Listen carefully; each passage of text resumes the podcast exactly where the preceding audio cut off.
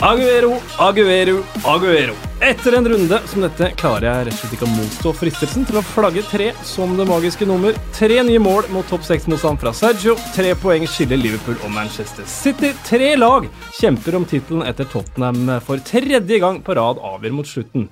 Tre ganger har Leicester tatt poeng mot topplagene denne sesongen, men Manchester United er ikke et av dem. Gonzalo Higuain er den tredje argentineren som skårer for Chelsea i Premier League.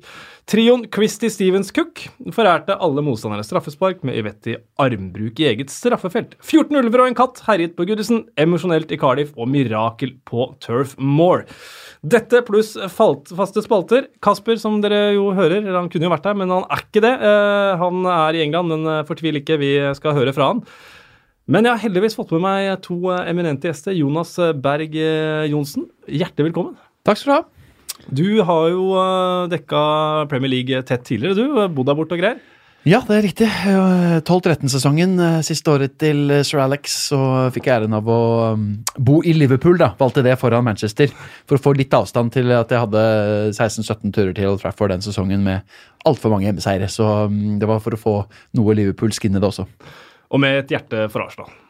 Det er jo det beklagelige. Eh, mm, det var eh, blytungt å være på jobb da Romeo van Persie gjorde sin første kamp for United mot Arsenal, eksempel. Ja. Eh, men det var, det var, veldig gøy å bo der borte, selvfølgelig. Absolutt. Så mm, gode, gode minner. Og så føler jeg liksom at det blir litt for lite Solskjær om dagen, så da tenkte jeg vi får ta og booste det igjen med deg, Eivind Holt, eh, journalist i united.no. Eh, deilig at du har tatt turen. Takk for det. Veldig hyggelig å være på besøk i en av mine favorittpodder. Det er alltid gøy. Eh, jeg skulle bare hatt favorittprogramlederen, men sånn er det. Forklare seg med oss. Vi skal begynne på Etihad, vi. Eh, kampen på søndag. Nå går det vilt eh, litt rundt for meg, men det var vel søndag. Eh, Manchester City 3, eller Aguero 3 og Arsenal 1. Eh, Så hører vi først fra Kasper og Brede, som på toget tok seg tur til å sende denne rapporten. Så ser resten av eh, runden, er det noe du beit deg eh, merke i? Ja, det er noen talking points der. Eh, Tottenham som uh, klamrer seg fast i toppen uh, uten Harry Kane. Det er imponerende. Uh, vi så Higuain fra Chelsea med to fantastiske mål. Altså, Så ut som han og Hazard fant tonen, og det gikk utover Huddersfield. Uh, så Higuain kan Mye som går utover Huddersfield. Ja, det, alt går utover de. Uh, men uh, Higuain kan jo fort være the missing piece i, i Sarri sin plan for Chelsea, så, så det blir spennende å følge. Og så syns jeg jo at vi skal sende en blomst til Wolverhampton, som ser ut som et lag som kan bli nummer syv. Eh, og eh, påførte jo da Marco Silva enda større problemer som, som Everton-manager. Den, den, er tung altså for Marco Silva å bli slått 3-1 på hjemmebane. Det er jo eh, statistikk på dette her også, med både Hull, Watford og eh, nå Everton. Enorm forskjell på de første 15 kampene og det som kommer etter det. I de to første så har vi ikke fått sett det som kommer etter det igjen. Det er jo det Marco Silva må håpe at han får overleve lenge nok til å få vise noe at han kan, kan snu det. Men det, det, er ganske spesielt. Ja, og, og, det er vanskelig for en manager. Det vanskeligste er å snu en tendens. For det det, det, disse tingene begynner å leve sitt eget liv. Sånne som oss, fansen, media. Alle begynner å snakke om at en er i ferd med å miste det. Dette kan jo snike seg inn i, i uh, psykologien i garderoben òg, selvfølgelig. Og så, hva skal du gjøre for å snu det? Etterlatt inntrykket av at du kanskje ikke er så god som alle trodde. Så det er en tung oppgave. Eh, der trenger du jo rett og slett bare en seier på et eller annet vis, og en, en rekke av kamper der, der, troen kan bygges opp igjen.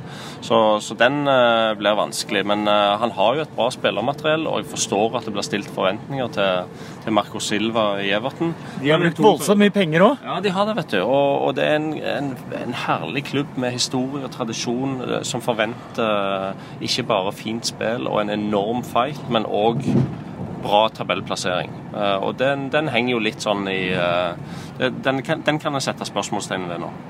Det er jo sjuendeplassen som gjelder inntil videre til noen andre eventuelt klarer å bryte inn i denne topp seks eh, klubben. Jeg hører en annen podkast, The Guardian sin, eh, omtaler det som The Everton Trophy. Havner på sjuendeplassen. Sånn sett så var det jo en liten seriefinale mellom Everton og Wolverhampton her, for nå har Wolverhampton virkelig fått taket på den. Ja. Og Wolverhampton er imponerende. Altså det, der kan du snakke om et lag som makser. For det at øh, Noen ganger 3-4-3, men litt i det siste 3-5-2 med vanvittig hardtarbeidende kollektiv, korte avstander. Egentlig sånn som en drøm eh, for en forsvarsspiller å stå bak. De har jo ganske begrensa forsvarsspillere, egentlig. Mm. Cody og disse her, som, eh, som, jeg ikke ser på som noen sånn topp midtstoppere. Men de, får, de blir godt beskytta, og når de vinner ballen, så har de en plan med det. Så kan, eh, det er et imponerende prosjekt som foregår der. Fulham, ditt uh, kjære hjerte uh, nærmest. Uh, voldsom snuoperasjon i midtuka, så klarte de ikke å følge opp nå. Nei, Der kan du snakke om et la oss være ærlige, et veldig lite imponerende prosjekt. For Fulham rykte opp i fjor, spilte praktfull fotball. Tok et tøft valg med å nærmest bytte ut hele laget. Hvis du får en milliard, altså, til å signere nye spillere, da hadde du og meg, Kasper, gjort det bedre enn det Fulham har gjort med de pengene. De har eh, fått inn masse gode spillere sånn enkeltvis, men dette drives jo etter en amerikansk tankegang. Det er moneyball-filosofien, der alle signeres på bakgrunn av statistikk. Eh, og statistikken har sikkert fortalt at alle disse spillerne var gode, men har de tenkt på at de skal være sammen i en elver på banen? Det ser det egentlig ikke ut som. Og det mangler jo voldsomt, spesielt i forsvarsspillet. Hvis du følger med på Fulham sine innslupne mål, så ser du igjen og igjen en forsvarsrekke som står for nærme egen keeper. Det blir innlegg i boksen, situasjoner, andre baller, og så skårer de. Det gjorde Crystal Palace òg i helga. Så det er så enkelt å rette på det. Du må fortelle Forsvaret at når ballen går tilbake, så flytter du ut. Dette er ABC fra småguttlag, altså. Men eh, de fortsetter igjen og igjen å slippe inn mål, og nå ser det ut som om det Ja, det skal i hvert fall et mirakel til hvis Fulham holder plassen. Da kan vi heller glede oss over det som var nesten den absolutte toppkampen denne helgen. Det skjedde på Ellen Road. Leeds mot eh, Norwich, omtalt som en seriefinale. Leeds kunne stukket seks poeng klar på toppen. I stedet så ga de opp eh, serieledelsen mot eh, Norwich og vant 3-1 på Ellen Road. En helt vanvittig atmosfære. og Nå skal ikke jeg prate så mye om Norwich som alle er eh, vant til. For jeg må bare si at å få den atmosfæren, å få den arenaen, å få den klubben som leads opp til eh, Premier League, eh, det hadde For alle nøytrale, eller som ikke har noe forhold til det, eller for oss som jobber med Premier League, så er det på tide å få Leeds tilbake. Ja, Det skulle vært en glede å ønske Leeds velkommen til Premier League. Eh, for en klubb. Det, er en av de eh, stadionene jeg aldri fikk spilt på, som jeg så gjerne skulle ønske å vært på. Eh, så jeg tror alle som er nøytrale, og selvsagt alle som holder med Leeds, gleder seg til den dagen de kommer opp. Registrerer òg at du nevnte Norwich der, helt tilfeldig. Og, de vant jo matchen! Ja, og Norwich spiller jo utrolig fin fotball. Altså, eh, det hadde vært Norwich er jo òg en sånn, litt sånn jojo-lag, men uh, nå ser de gode ut. Til tross for at de mista de beste spillerne før sesongen. Så uh, hvis det blir de to, så blir det jo en berikelse for PL. Helt uh, enig. Da får vi Nå begynner vi å nærme oss London etter hvert, så vi får nøye oss med det. Glede oss til Westham-Liverpool. Når du hører på dette her på øret ditt, så vet du åssen Westham-Liverpool endte. Så det vi gjør da, vi tar et lite resultattips, og så ser vi om vi får rett. Kan jeg bare fortelle en kort historie? Ja. For det, det er jo veldig vanlig eh, når du spiller bortekamper i Premier League å dra med, reise med dette toget her. Eh, toget fra Houston til Manchester eller til Liverpool eller hvor det nå er. Eh, og det gjorde vi da både med Fulham og Crystal Palace, men historien er fra Crystal Palace. Bortekamp. Og så hender det jo ofte at du havner på toget sammen med egne supportere. Så det var en gang vi dro hjem fra Manchester og hadde en halv vogn for oss sjøl. Det var stappa på toget. Og det endte da med at han Papp Suare Husker du han venstrebekken ja, ja, ja. som var i en fryktelig bilulykke? Han, det var ikke plass til han. Så han satt oppe på det bagasje Oppå bagasjehyllene der. Der satt han i to og en halv time etter å ha spilt Premier League. Han var så stiv når han kom av det toget ned i London at du vil ikke tro det. Det fins faktisk et bilde av det. Det var hysterisk morsomt. Der satt han med telefonen sin og venta på om vi skulle komme hjem til London. Jeg satt faktisk på dette toget her en gang jeg òg, hvor Michael Antonio kom. eh, Og det var smekkfullt. Eh, Og han konduktøren hadde fullstendig hetta, for han hadde lyst til å finne et eh, sete til Premier League-stjerna. Jeg så de så rundt, og jeg fikk men Det gjelder å unngå øyekontakt i de sammenhengene der, men plutselig så hadde jeg øyekontakt. Det var bare en lett shake på hodet. Jeg skal ikke stå i tre timer for at Michael Antonio skal sitte, så han eh, fikk ikke min plass heller. Ja, han er jo en ung mann. Han Ja, kunne stå. Yngre enn meg. Sprekere òg. Eh, som sagt, de som hører podkasten nå, de vet resultatet mellom eh, Westham Liverpool. Så skal vi bare se hvor off vi kan være. Hva tipper du? Kan jeg begrunne det? Eller, Ja. det dette er jo vanskelig, for du, hvilket Westham kommer? Kommer dette Westham som slo Arsenal fortjent på hjemmebane for bare noen få uker siden? Eller kommer det Westham som har vært i fryktelig borteform etter det? Det er spørsmålet. Uh, jeg tror uansett at Liverpool klarer under et vanvittig psykisk press. Altså, Det er et press på disse spillerne nå som det nesten ikke går an å forstå. Jeg tror de klarer å skvise ut nok, og de tar en 2-1-seier. Åh, Det var akkurat det jeg hadde tenkt tippe. Jeg tenkte tippe 2-1 til Liverpool. Det blir veldig spennende å se. Pablo Sabaleta har jo snakket om at eh, det har vært eh, trøblete i garderoben etter Arnautovic eh, som endte med at Arnatovic ble. Et innspill der òg. Vi har jo fått et nytt ord fra våre svenske kolleger på Ja. kommentatorplass. Eh, Det kommer fra Stockholm, og det er ordet 'lyxlirere'. Eh, Som er et helt, hvis du tenker over det, et helt nydelig ord som beskriver en spiller som kun møter opp når det er solskinn og medvind og litt sånn.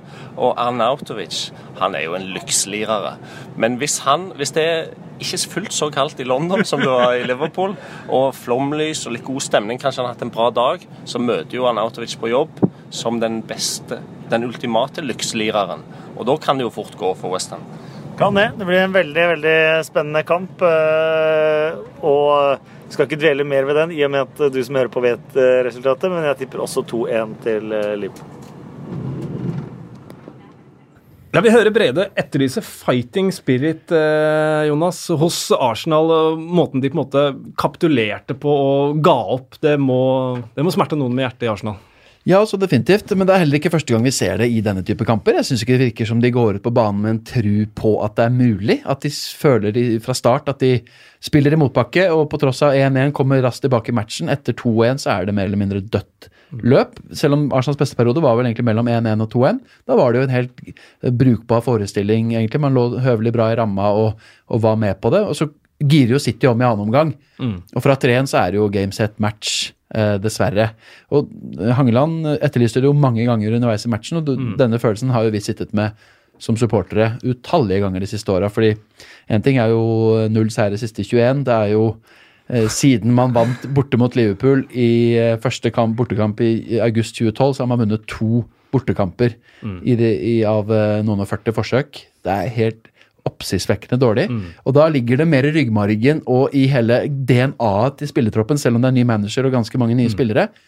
Dette vet vi ikke åssen vi får til. Og da tror jeg det mindsetet er utrolig vanskelig å vri om. Når man i tillegg mangler en del nøkkelspillere bak i banen, så blir det ikke eh, mye lettere å tro på, akkurat. Nei, for vi må, vi må ta med altså, Det er nesten litt rart å si det, men eh, hvis jeg hadde sagt det i august, så hadde jeg ikke trodd det sjøl. Men at Rob Holding er borte, er et stort tap. Faktisk. Mm. og, og Sokratis, som har vært brukbar. og liksom, Det er så mye utskiftninger, da. og Det er klart da, det, det skader deg jo bakover. Men, men det er jo den fighting-spiriten. Det, det burde jo ikke ha noe å si for hvem som spiller. og det var, altså, Vi skal ikke dra noen linje til United helt enda, Eivind, men vi så jo det samme der. At eh, det var ikke noe krigersk innstilling uten, eh, uten sammenligning for øvrig. Nei, og um, vi satt, når jeg var her forrige gang, så snakka vi om hvem som skulle bli Arsenal-manager. Eh, og snak, sammenligna litt med Ferguson-epoken. Og det er jo litt uh, fra kamp til kamp, da. Man får Man, man svinger så voldsomt. Og det viktigste blir på en måte nesten å, å skape et defensivt uh, fundament. Og der føler jeg at Arsenal de er ikke helt der. Du ser Mustafi på den nydelige gålen til Aguero, hvor han får ballen fra Stirling. Så dytter han ikke ut raskt nok. Det er sånn elementære ting da, som tyder på at de forsvarer seg ikke som en enhet. Det er fire-fem spillere som bare forsøker å holde huet over vann, og mot City så blir du straffa da, altså. Og så ser man eh, andre lag som klarer å låse av de beste lagene, sånn som Leicester gjør ofte. Westham på sine gode dager, særlig hjemme.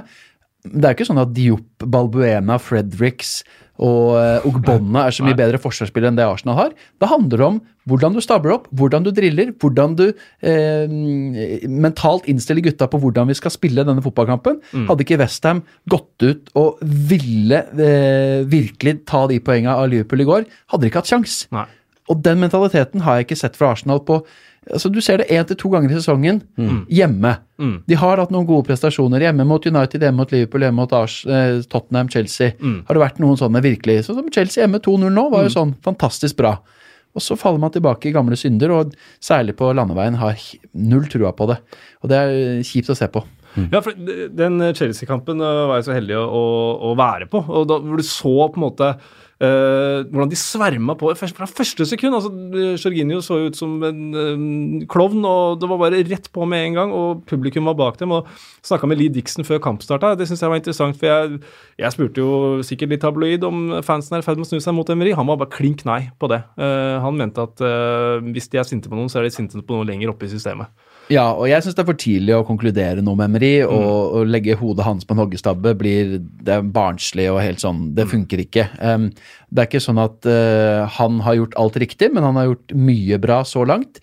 Overdrevent mange tidlige bytter, kanskje overdrevent uh, fleksibel i valg av spillestil og, og formasjon osv., men og så har han en veldig floke med Øzil, og det ble en uh, ugunstig for han med tanke på Ramsey-situasjonen, hvor, hvor økonomien i klubben er ganske pressa med tanke på hvor mye mer lønn de har mulig å tilby, som gjør at uh, man ender ned på Ramsey. Så han, han har fått en del uh, vansker i fanget, kombinert da med tre alvorlige langtidsskader på Welbeck, Holding og Beirin. Sokratis har stadig vekk vært ute, Korselny eh, opp og ned siden han kom tilbake. Så det er mange elementer her som gjør at ikke han har klart å stable det fundamentet. Og Det er han litt skyldig sjøl òg, tenker jeg. men eh, jevnt over en liten positiv utvikling. Mm. Så må man se på det mannskapet og den troppen. Den er ubalansert, det er brukt masse penger på middelmådige spillere. Ehm, og det bekymrer meg, den maktkampen som tydeligvis har fungert, mm. foregått nå bak eh, på, i korridorene på Emirates, hvor Sven Mislintat nå slutter i disse dager. Eh, etter kort tid i klubben. Han har identifisert mange av de eh, suksesshistoriene som har vært. Mens vi har, hører, det siver ut rykter om spillere som jeg tenker Oi, dette oser det emeri av. Typ Dennis Suárez, som kom inn på som fisk på land mm. på Etiad. Han har lang vei å gå for å skulle drive og gjøre dette fotballaget bedre. Er urettferdig å bedømme etter kvarter løpende mellom på Etiad, men, men fremdeles um, det, det er bekymringsfullt på det, i det mer langsiktige og det som foregår i, i styrerommet. da. Um, mens Emery må jo bare løse det så godt han kan på banen.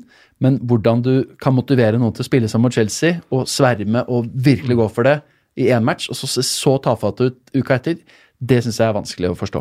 Men tror du, han, tror du Emery trenger på en ny tropp, altså nye spillere å jobbe med? Fordi, eh, som du er inne på, den der fighting spiriten har du ikke sett på lenge. Og selv om de fikk inn Sokratis og Listeiner og, og litt sånt noe, så, så, så, så er det jo fortsatt Wengers stall og tropp det her, og du har en Korselny som på en måte skal komme inn og stramme opp det forsvaret, da. Men for meg, som da ikke er Arsenal-supporter, så tenker litt at er det Korselny? Er det, må de ikke få inn nye folk, rett og slett, som ikke nødvendigvis var der under eh, Wenger? Ja, Korselny er over middagshøyden. Ja. Mustafi har et ekstremt lavt la, laveste nivå, er så ujevnt så du, mm, som du får det. Lichsteiner, mulig han har gjort Beirin og Maitland Hiles litt bedre på treningsfeltet, men på banen er han jo fullstendig hjelpeløs. Eh, Mavropanos har også vært langtidsskadd. Han har jeg ørlite grann håp for, men vært ute nesten et år. Holding kommer til å ha vært ute nesten et år. Beirin det samme. Kolasinac kan jo ikke forsvare seg. Monreal har mista beina litt. Grann. Så hvis du ser den tieren der med forsvarsspillere, så har du en eh, gruppe som du lurer på ok, hva gjør vi? Og det har jo blitt brukt 100 millioner pund på å hente den gjengen til sammen. Mustafi og Sokratis kosta til sammen like mye som eh, ja, nesten 60 millioner pund. Så det er ikke sånn at det ikke er investert masse midler i disse gutta. Det er vanskelig å få dem videre. Det har også vært et problem på Arsenals del, som skiller dem fra både Tottenham og Liverpool i særdeleshet. At vrakgodset får man ikke ut. Eh, og man tjener i hvert fall ikke penger på det.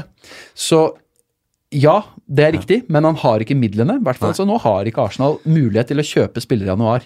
Det er ganske oppsiktsvekkende, egentlig.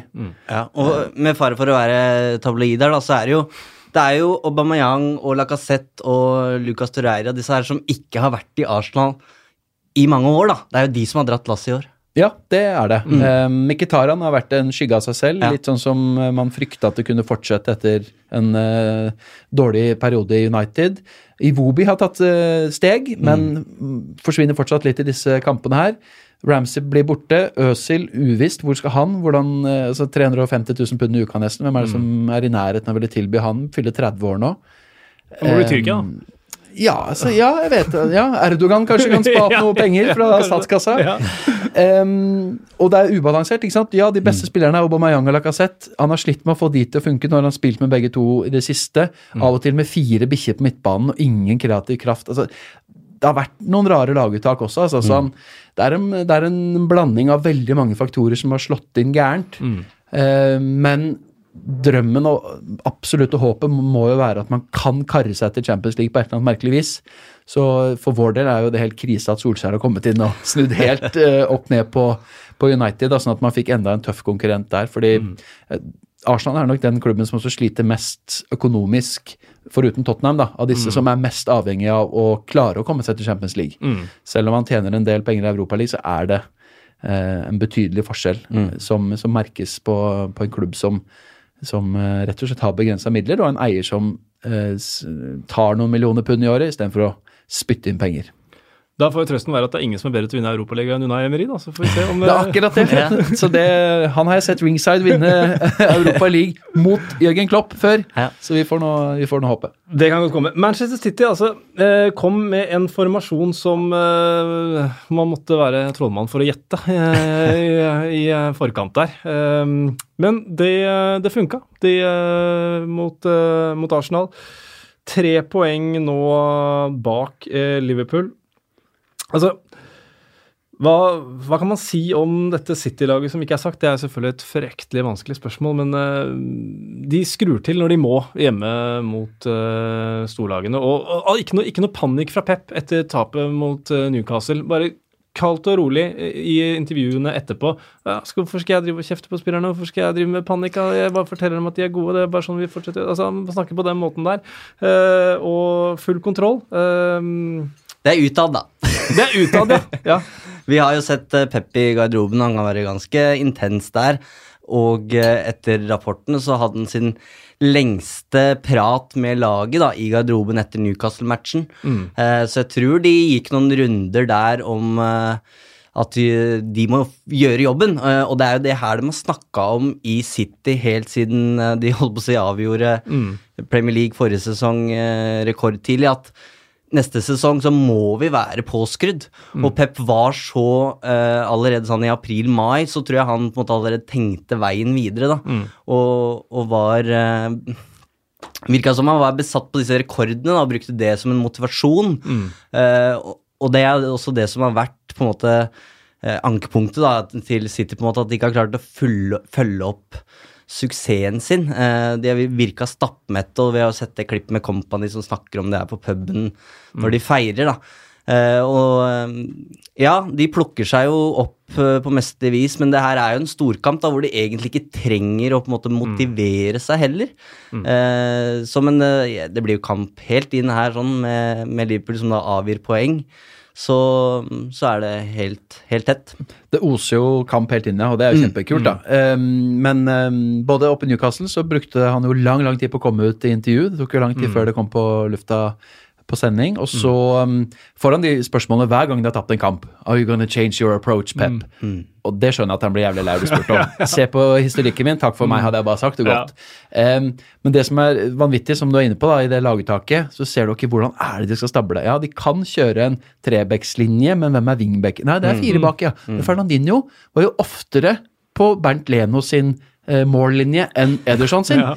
Han var jo stadig vekk på løp og pressa høyt og umiddelbart opp som anker hver gang eh, City skulle eh, spre baller.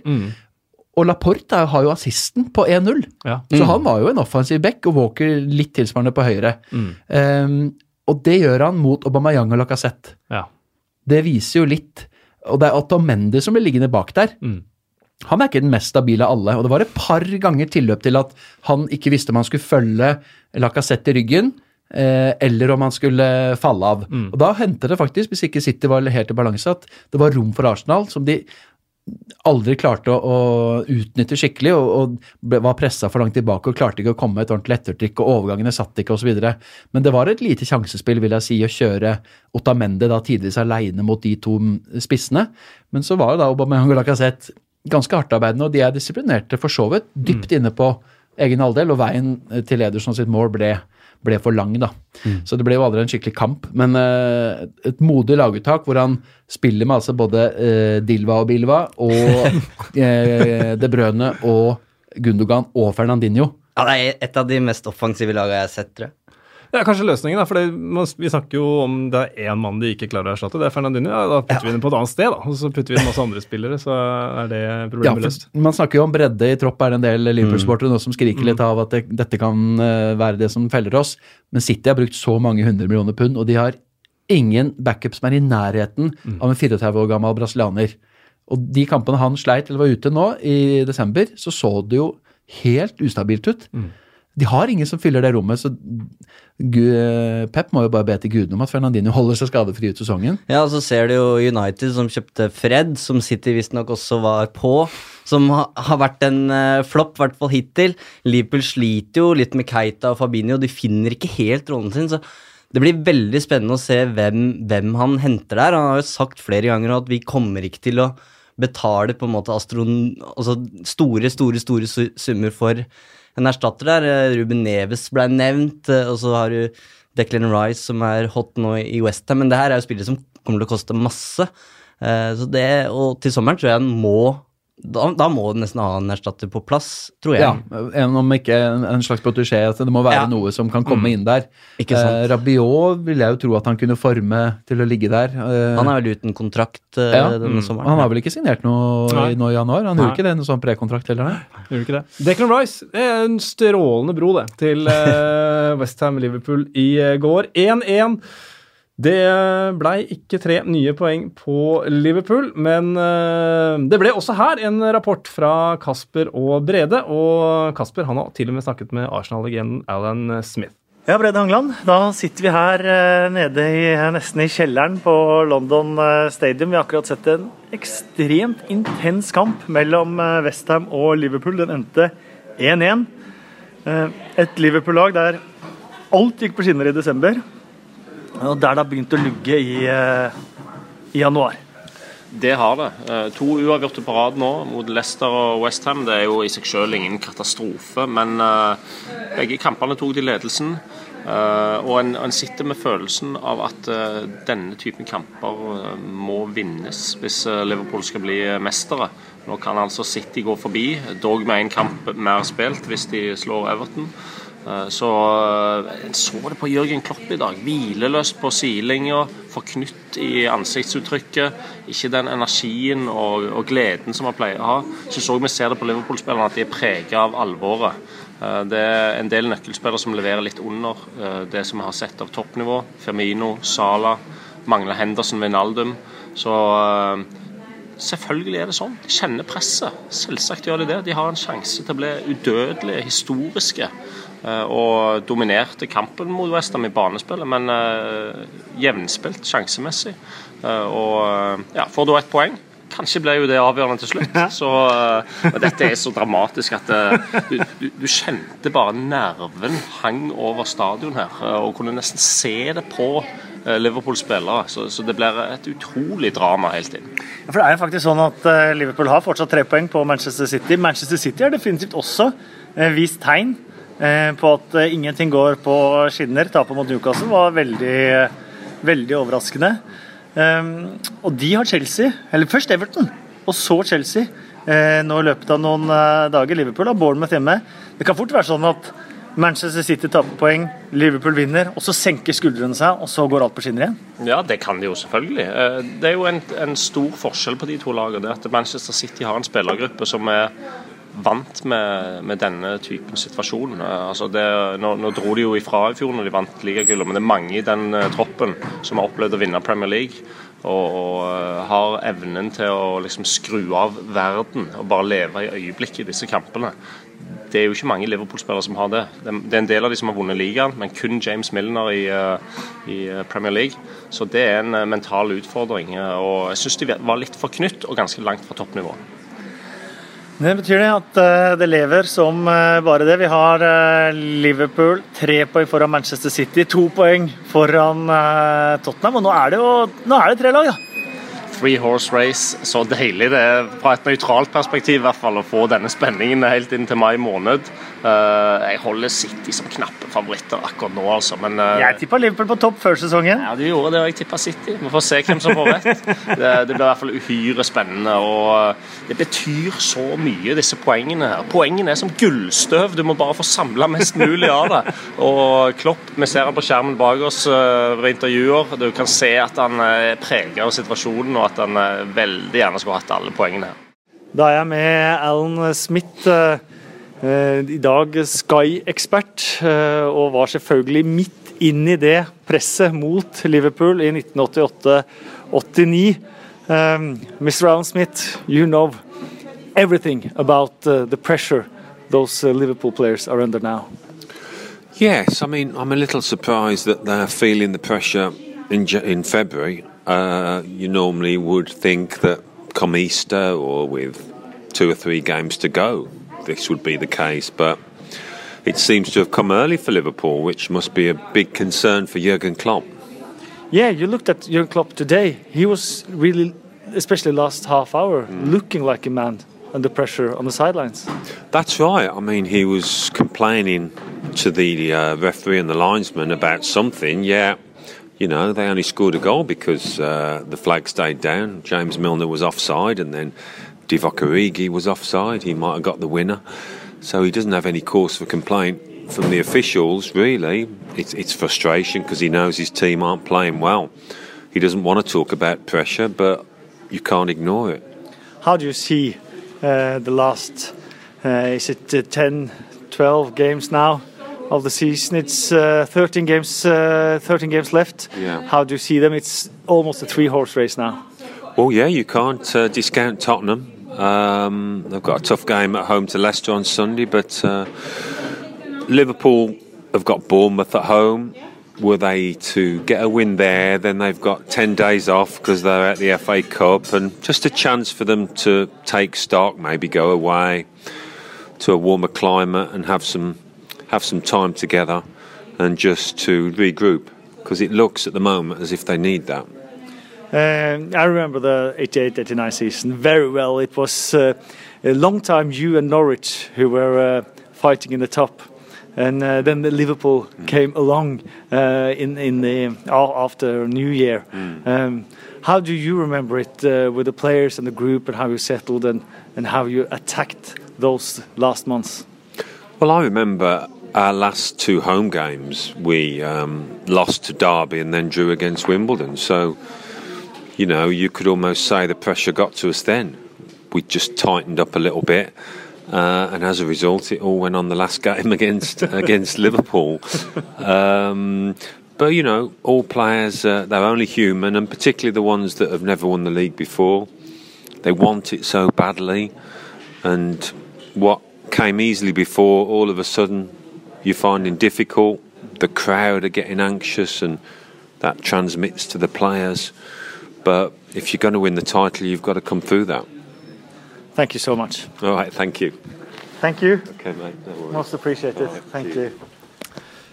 Jeg vil høre Brede Hangeland snakke om poeng som gullstøv. Det ble bare ett poeng på Liverpool i går, og um, mye av samtaleemnet etterpå var jo Jørgen Klopp og hans reaksjon etter uh, matchen. Har han noen grunn til å være misfornøyd? Utgangspunktet selvfølgelig ikke, isolert sett. De kunne vunnet kampen på to offside-avgjørelser, men jeg, kjenner meg igjen i følelsen han har av at uh, dommeren er klar over at nå ga vi bort en goal. Det har de snakka om i pausen. 60-40, 55-45-dueller gikk kanskje litt i Westhams favør. Men det var jo ingen eh, kamp hvor man reagerte på det gjennom eh, omgangen som eh, nøytral seier. Så, eh, men at han finner grunn til å hisse seg opp over ting, det er jo et klassisk tegn på en som er eh, litt frustrert. Ja, Kan det ikke også være litt at han eh, med vilje tar fokuset vekk fra at de ikke klarer å ta tre poeng der, i sånn at snakkisen blir nettopp om Jørgen Klopp? Altså, han er ekstremt hektisk i den postmatchen der. Og øh, Simen var inne på det i studio også, hvordan han på en måte kritiserer dommeren, og så druser på med That's cool, that's, that's fine, yes, that's cool. Sånn, som man, sånn som man, gjør. eh, for å på en måte skjule det litt også. Kan det være rett og slett eh, smart av Klopp å gjøre dette? Det kommer til å være et ekstremt press på Klopp og Guardiola eh, sesongen ut. Sånn her kommer det til å være hver, hver helg, tror jeg. Og det merker jo de. Eh, og Brede snakka vel om at det poenget her kan jo bli avgjørende, men det kan også de to de taper, da. Så det er, det er jo det som, eh, som eh, plager Klopp, selvfølgelig, og det er jo en match som de egentlig skal vinne. eh, Og så er det en kjempeklisjé, men det er også veldig sant, da. Det syns jeg vi ser den runden her, at i Premier League så har du de laga som plutselig kan stenge igjen da, mot topplaga, så du kan aldri innkassere tre poeng på forhånd. Altså Definitivt ikke. Og de to lagene de har møtt nå, er jo blant de beste mot topp seks. Leicester har, som vi har vært innom, slått Chelsea, slått City. Eh, var gode mot United, syns jeg. Knapt et knepent. Eh, Westham har hjemme tapt 1-0 mot eh, Spurs. Så har de slått United, de har slått Arsenal. Ja. Eh, og Uavgjort mot Chelsea. Uavgjort mot Chelsea, ja. Sånn at isolert sett overhodet ikke dårlige resultater. Og um, de hadde 16-0-0 på de første 16 kampene Liverpool spilte mot uh, lag utafor topp 6. Det er ekstrem ekstrem uttelling. Vært eh, stort sett veldig fortjent og med god margin, men du klarer ikke å vinne alle de 28 kampene Nei. gjennom en sesong av de som er eh, mot bånd 14, da, kall det det. Så dette er jo to av de vanskeligste kampene de egentlig har igjen, utenom eh, selvfølgelig at de har eh, Spurs hjemme og Chelsea hjemme, vel, og United en tur til United, som er de tre øvrige. Eh, sånn at jeg, jeg, Krisemaksimering syns jeg blir for tidlig. Liverpool-fansen nå snakker jo om å prøve å karre til seg tredjeplassen, og det er fullstendig liksom eh, bøtteballett. Og jeg kan skjønne at det oppleves som et dårlig tidspunkt å komme i dårlig form. Men nå gjelder det å bare få med seg tre poeng mot eh, Bournemouth. Det blir uhyggelig viktig eh, før de har United og, og Bayern. Så de tre poengene der må bare innkasseres. Der er det også et lag eh, vi kommer til dem etterpå, hvor du ikke veit hva du møter da på Bournemouth. Det er jo helt eh, Nei, men de har veldig stygge tall mot uh, topplaga. Selv om det veldig ofte er kule kamper hvor de scorer en del sjøl, sånn, så, så har de dårlig uttelling uh, poengmessig. Fryktelig har de der, faktisk. Målet til Westham, da. Eh, Kasper dro jo selvfølgelig parallellen til Brolin med en gang. Den må jo komme på et sånt uh, sånn manøver. Og, og hvis, Jeg vet ikke om jeg hørte riktig, men jeg mener Klopp sa i intervjuet at det var et trekk han var forberedt på, men tre av de spillerne som skulle være med på Forsvaret, det var skada. De hadde forberedt seg på det dagen før. Og, altså, det, jeg synes Det hørtes litt rart ut. ja, jeg synes det hørtes veldig rart ut. og Kanskje de har lånt en fyr fra Leeds da, til å spionere litt. eh, Jeg vet ikke.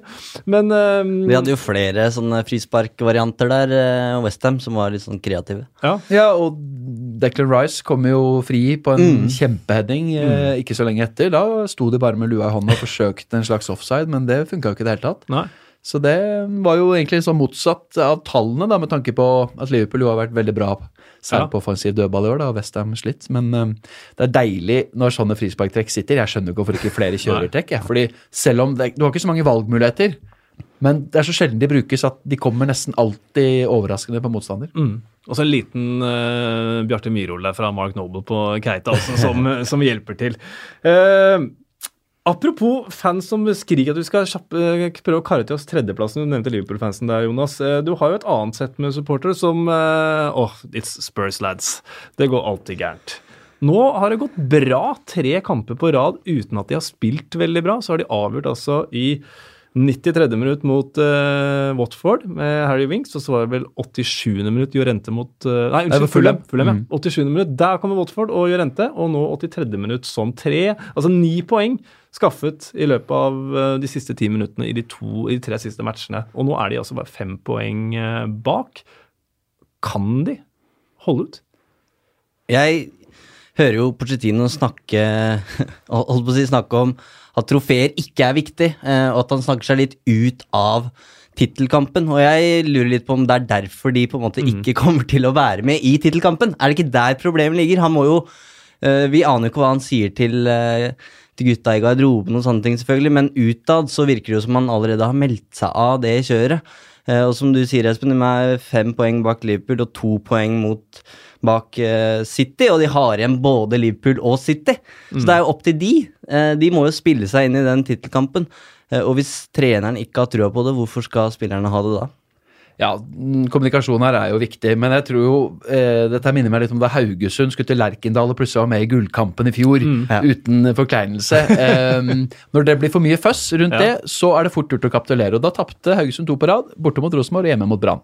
Eh, Tottenham er jo et eh, mye mer etablert topplag enn det Haugesund er, men hver gang de har blitt snakka inn i gullkampen eller hatt sjansen under Pochettino, så har de jo gått litt på tverke. Eh, jeg opplever ikke egentlig Tottenham som noe større chokelag enn f.eks. Liverpool eller Arsenal, eh, for den saks skyld, men de har hatt ekstrem eh, Vært veldig gode, hatt bra uttelling på eh, dager hvor de har vært svake. Hvis du ser på den rekka kamper de har eh, vunnet så vidt, eller med ett mål, på middels dager, så er den ganske formidabel. Det er helt, egentlig helt oppsiktsvekkende at de er så høyt oppe, at de har nok en gang tatt mer poeng på dette stadiet av sesongen enn Pochettino noensinne har gjort, og, og dermed Spurs, da. Um, men altså, det startet jo i første serieomgang med en knepen seier borte mot Newcastle, men det var i VM-hangover. Ingen spillere inn på sommeren. Masse nøkkelspillere skada. Tottenham er et av de lagene som har slitt mest. Det, det, er, jo helt utrolig at de fortsatt henger med. Så det er jo all kudos til mentaliteten egentlig til, til Spurs, at de klarer å stå an av og ta så mange trepoengere. Og så er det spørsmålet om det er en styrke. da, Det er vel det laget som har tatt flest poeng de ti siste minuttene, tror jeg. Er det en styrke, eller er det egentlig en svakhet? Altså at man på en måte sliter seg de, til de seierne. Det, det selvfølgelig gir en god følelse å ta de, de poengene på overtid og sånn, men, men det er jo også et eh, signal om at laget sliter mot eh, en del eh, motstandere som, som f.eks. City og Liverpool har avgjort mot da for lenge siden. når det er eh, spilt opp Ja, Det minner meg skikkelig om Arsenal i starten av Emirates-tida, de første fire-fem åra der. Klart best tall siste ti minuttene, men det var jo fordi man sleit seg til 1-0 over Wolves, som alle de andre topplagene vant 4-0 over. Så det var jo eh, absolutt ikke eh, utelukkende en styrke. Nei. Eh, Men bra at man selvfølgelig får med seg de tre poengene, da. Og jeg, altså jeg, opplever at det lugger litt da i eh, Tottenham, selv om de er godt posi posisjonert, så er det Jeg syns du ser en annerledes Porcettino den sesongen her enn enn uh, tidligere. Jeg syns han er, virker mer pressa, uh, litt mer pessimistisk på klubbens vegne. Eh, jeg tror han rett og slett kanskje er litt såra over at han ikke har blitt backa mer i overgangsvinduet.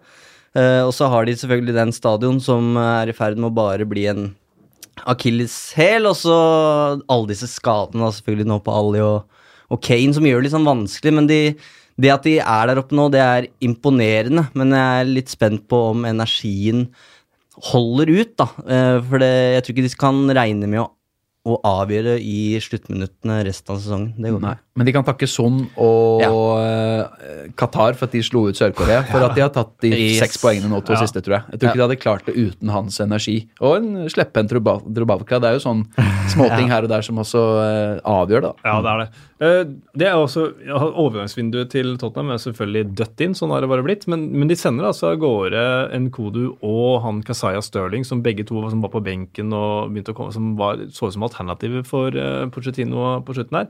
Samtidig som uh, hadde vel, var vel forrige uke eller uka før der igjen, hvor Pochettino hadde en lang sånn der forsvarstale om uh, altså Ikke forsvarstale, men sånn hvor han utdypet hvor, eh, hvor eh, hva heter det, dedikert han var til dette prosjektet og sånt. Så jeg, jeg tror han blir en fryktelig vanskelig mann å vri vekk fra Tottenham hvis eh, Manchester United er, eh, er ute etter han. Jeg, uh, han passer den klubben der så godt. og Kanskje er Real Madrid en større fare for Tottenham enn det Manchester Ja, United er. timingen i fjor sommer var jo sånn sett fantastisk. Ja. Men jeg tror at de har klart å bygge opp en lojalitet hos Ja. han og hos nøkkelspillere som tjener selvfølgelig grisefett, men mindre enn de kunne kanskje gjort andre steder. Mm. Og så har det jo heller ikke vært det enorme trykket på Eriksen, Ali eller Kane foreløpig. Nei. Det kan jo skje, Mm. men på en eller annen merkelig måte så ser du liksom for deg at ja, de er fantastiske spillere, men ok, hvem er det som skal hente hvor er det de passer inn. Du- Du tenker at det er større sjanse for at Hazard drar til Real Madrid, enn at Kane eller Ali eller Eriksen gjør det, på en måte. Ja. Um, og Barca brukte jo veldig mye penger på Coutinho, som eh, gjør at kanskje ikke Eriksen er så aktuell.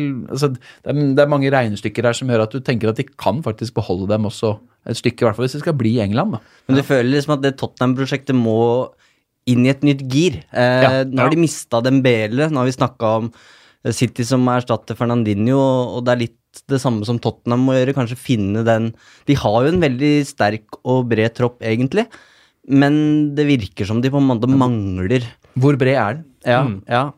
Det er litt sånn Oliver Skip på benk og litt sånne ting. Det er klart å Så Dyer, Skip, Vink, Sissoko Mm. eh, At Sissoko har tatt steg i år, har jo vært enormt viktig. Ja. Um, med Dembélé som mista litt beina, eh, og Wanyama ute så lenge. Um, så, og framme så er det jo egentlig Ali, Son og Kane du kan stole på foran Eriksen. Lamela, Mora. Ja. har bidratt absolutt denne sesongen. Uh, særlig i starten var jo Lucas Mora frisk, men det er et um, det er et skjørt korthus. Jeg tror ikke uh, Spurs etter de tøffe bortematcha de har mot de andre uh, topplagene, kommer til å henge med hele tiden.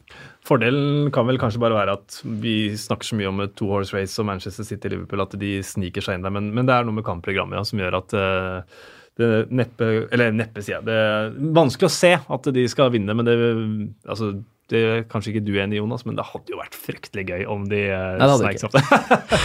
Eh, så Tottenham, en kjempesesong eh, uten eh, tvil. Det er Levert meget bra. Ja. King Power Stadium. Uh, Ole Gunnar Solskjær tilbake på vinnersporet. Det er noe som heter at det alltid er ledig i krysset, men det er det ikke. For der er David Hea på å hente baller. Uh, og Rashford uh, var det 100. kampen hans, eller 100. Premier League-kampen hans. Det, I hvert fall League. magisk nummer. Premier League, ja. Mm. Ny scoring. Har vel fem nå under Solskjær. Strålende goal. Fantastisk av Pogba i forkant. Alt stemmer. Eh, og så var det litt, var det litt mind games fra Solskjær i forkant der, for det var visst lekka et lag med ett unntak.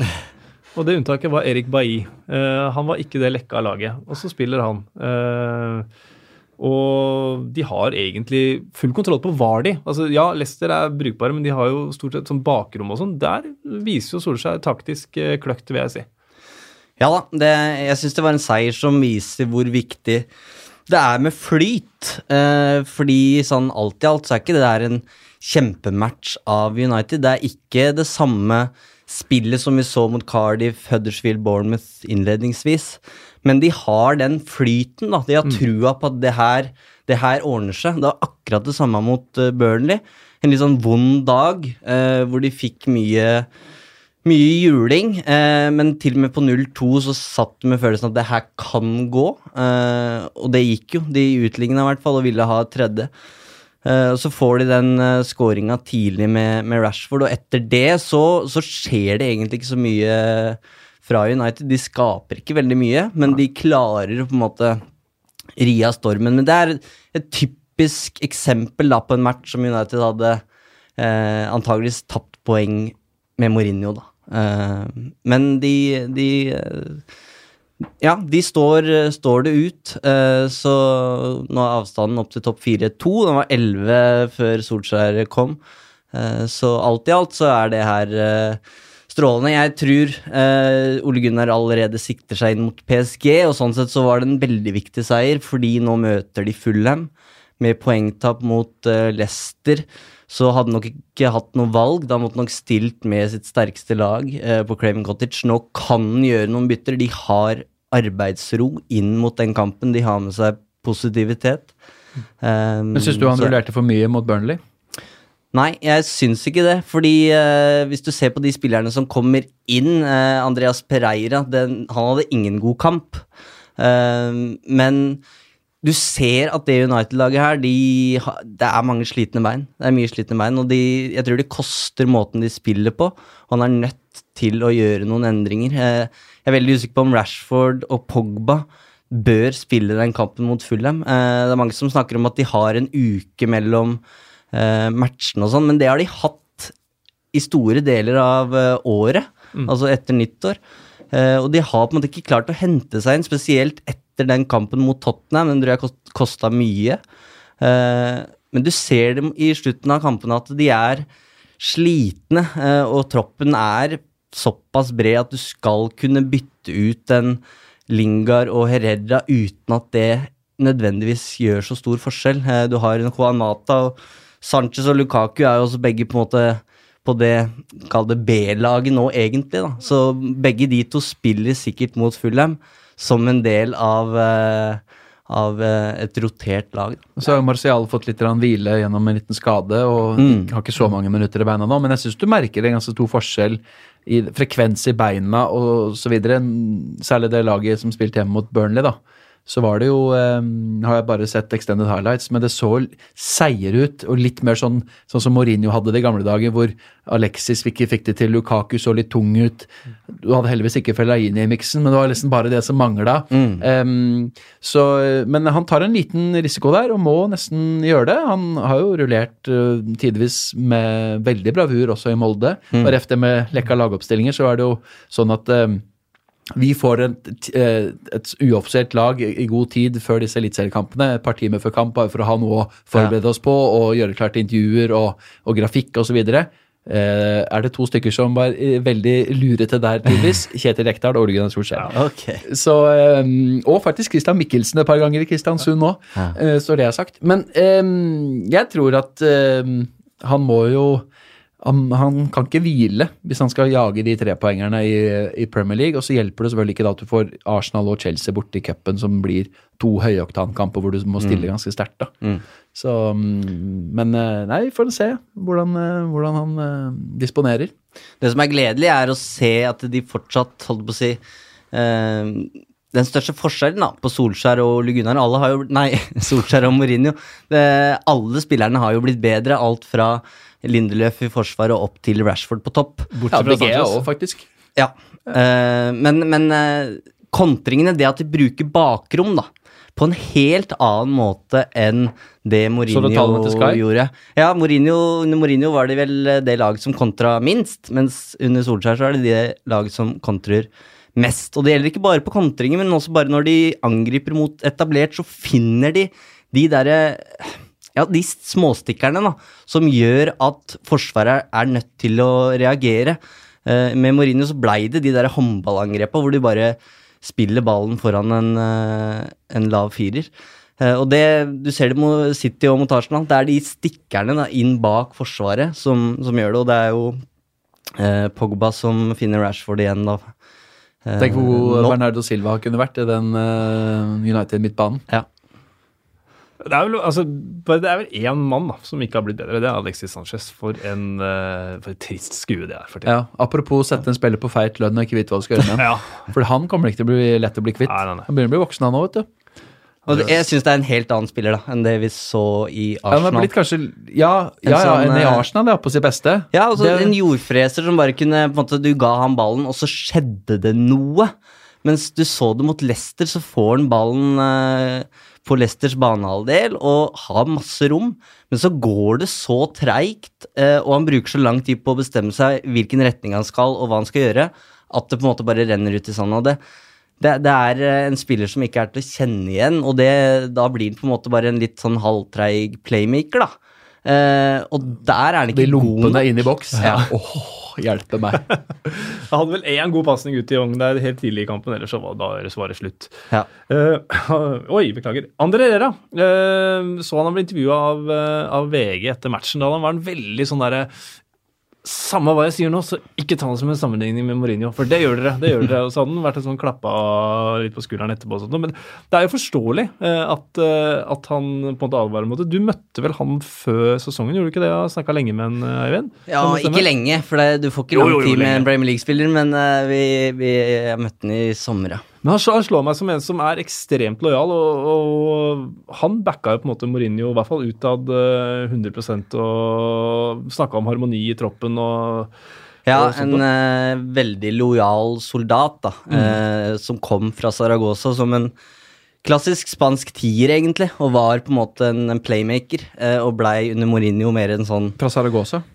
Ja, altså han eh, Før, uh, Før Bilbao. Før Bilbao uh, egentlig. Men uh, ja, han var vel mer en indreløper for Bielsa der. men har vært da en, en tier. Ja. Og blei for Mourinho en sånn slags løpegutt mm. som gjorde jobben i storkampene.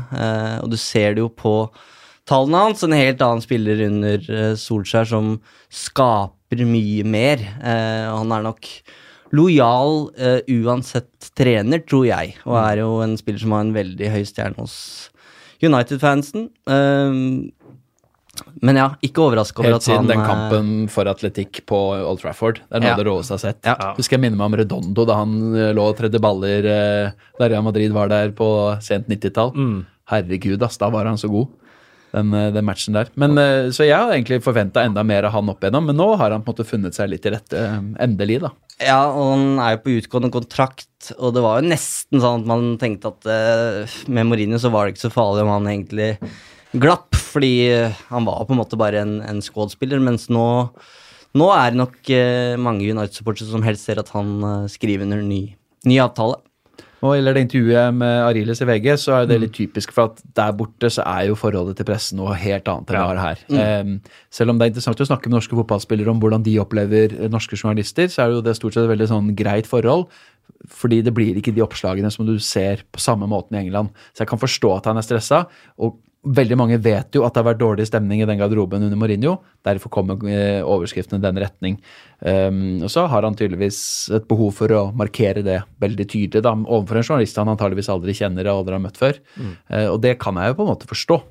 Eh, og det er ikke uvanlig at eh, de opptrer sånn. Det er bare det at det blir litt ekstra blåst opp, kanskje. Fordi det, er- det er jo litt VG-stilen å personifisere artiklene av og til at, eh, for å bevise at vi var der, og, og forklare litt stemninga i mixed zone og sånn. Jeg syns det kan være veldig fint, ja, fordi da får du litt, litt sånn følelsen av hvordan det var. Um, så det er nok det som gjør at det også er blitt, kanskje blitt uh, litt hausa opp, da. Ja, du ser jo det Ødegaard-sitatet, da, hvordan det har blitt vridd og vendt på i Blant annet i engelske medier, da, de siste Ja, ja, dagene. Zidane gjorde, gjorde jeg fikk dårlig selvtillit. Jeg så Ja. Pontus Jansson hadde vært på en svensk podkast nå og måtte bare ut på Twitter med bare sånn Før dere nå begynner å si noe om at jeg er sliten under Bjelsa, så bare nei, kutt ut. Så mekanismene er jo der.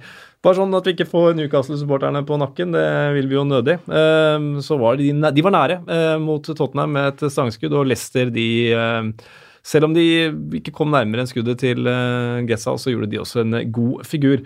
Vi må til kampen om syvendeplassen, der eh, Everton tok imot Wolverhampton. Eh, det var en katte som stjal overskriftene på, på tampen der. Det var to og et halvt minutt eller noe han løp ut på. Ja, de Det seg, løp og prøvde å fange den. Det viste seg like vanskelig å, å fange som det er for Everton å imponere og vinne kamper om dagen. Ja, eh, og overskriften etter den matchen burde ikke være den katta, burde være eh, Wolverhampton og Jimenez. For en spiss. Altså, han er så god i alle faser av spillet, og nå har han jo begynt å skåre en del mål òg. Han hadde jo ikke så mange mål i starten og svei litt sjanser og mer sånn tilrettelegger. Nå er han jo little, og mm, masse rykter om Abraham i januarvinduet. Eh, usikker på om de skulle bruke så mye penger på Jimenez til sommeren. Det tror jeg blir viktig for Wolverhampton for å bygge videre på de relasjonene de har der framme. Han er en klassespiss. De kommer ikke til å kunne finne en bedre spiller, tror jeg, til selv om han blir dyr. Fordi han er så god. De har eh, lagt om litt, med Hota litt mer sentralt til FM2, som har gjort at um, Johnny og Doherty faktisk har kommet enda mer til sin rett langs kantene.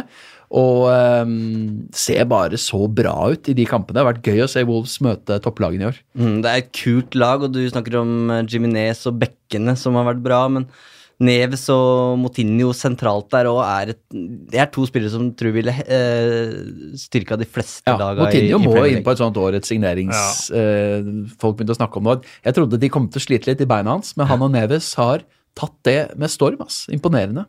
Ja, og De sliter jo når en av de ikke spiller. Det så vi når vi måtte hvile litt i jula. sånn. Da ble det litt verre, bortsett fra mot eh, Tottenham. da. da Ja, men, men mot dyptliggende lag, eh, særlig. De klarte å mobilisere på, på Wembley, men de har jo skuffa ganske mange ganger hjemme. De har jo Ja. tapt hjemme mot eh, Palace, Huddersfield og Watford annet, uten å klare å score. Um, så de har, um, de har noe å gå på der, når de ikke har så mye rom å, å, eh, å løpe i. Marco Silva da, uh, starter alltid bra, og så går det dårlig. Og så har vi ikke fått se hvordan det går etter det. Altså I England, da, riktignok. Det, må vi- det må vi ta med. Røyk jo Eh, tidlig i Olympiakos òg. Ja, og var vel litt på kanten i Fikk vel fyken på en måte i sporting også for noe sånn litt utenomsportslig, en dress eller et, eller annet eh, surr der. Eh, så Eh, om han er eh, et geni eller ikke, altså foreløpig ser det jo ikke sånn ut. Og han en ting han i hvert fall ikke kan, det er å organisere defensiv dødball. For de slipper altså inn mål på defensiv dødball hele tiden, Everton. Og det med stoppere som Keane, Zuma Nå spilte ikke Jeremina, men de skal jo klare å rydde unna. Og det, dette her var under uh, Hull og Watford òg. Akkurat det samme. Ja. De var sånn topp eh, tre på uh, innsluppene på dødball. Og det målet til Jiminez, det er jo det, ser så enkelt ut at det skal ikke være mulig. Altså, han bare går til værs og stanger inn på første. Ja. Så det er eh, Men eh, Men sånn som, eh, det var jo den store styrken til Keane i Burnley. Var jo å være sjefen i det forsvaret. der Rydde unna, ofre seg, blokkere. Enten det var med Ben Mee eller Tarowski. Stort sett Ben Mee, vel. Altså, det ligger jo i blodet der. Han må bare inn og organisere det forsvaret sitt. Og selv, ok, jeg, jeg, Silva er hjelpeløs, men da må jeg vise i hvert fall hvordan dette skal gjøres. da. Så har han ikke fått til det verket med Jeremina eller Kurt Soma.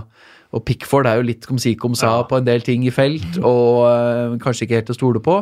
Og så bare blir det sånn. Um, så jeg er veldig spent på hva Everton gjør, om de nok en gang skal ha henta en eh, potensielt veldig bra manager og gi sparken tidlig, for det har jo blitt en eh, melodi egentlig helt siden Martinez fikk ganske god tid, da. Ja. Ehm, så jeg vet ikke, jeg hadde syntes det hadde vært gøy om det funka. For Everton er gøye når de er gode.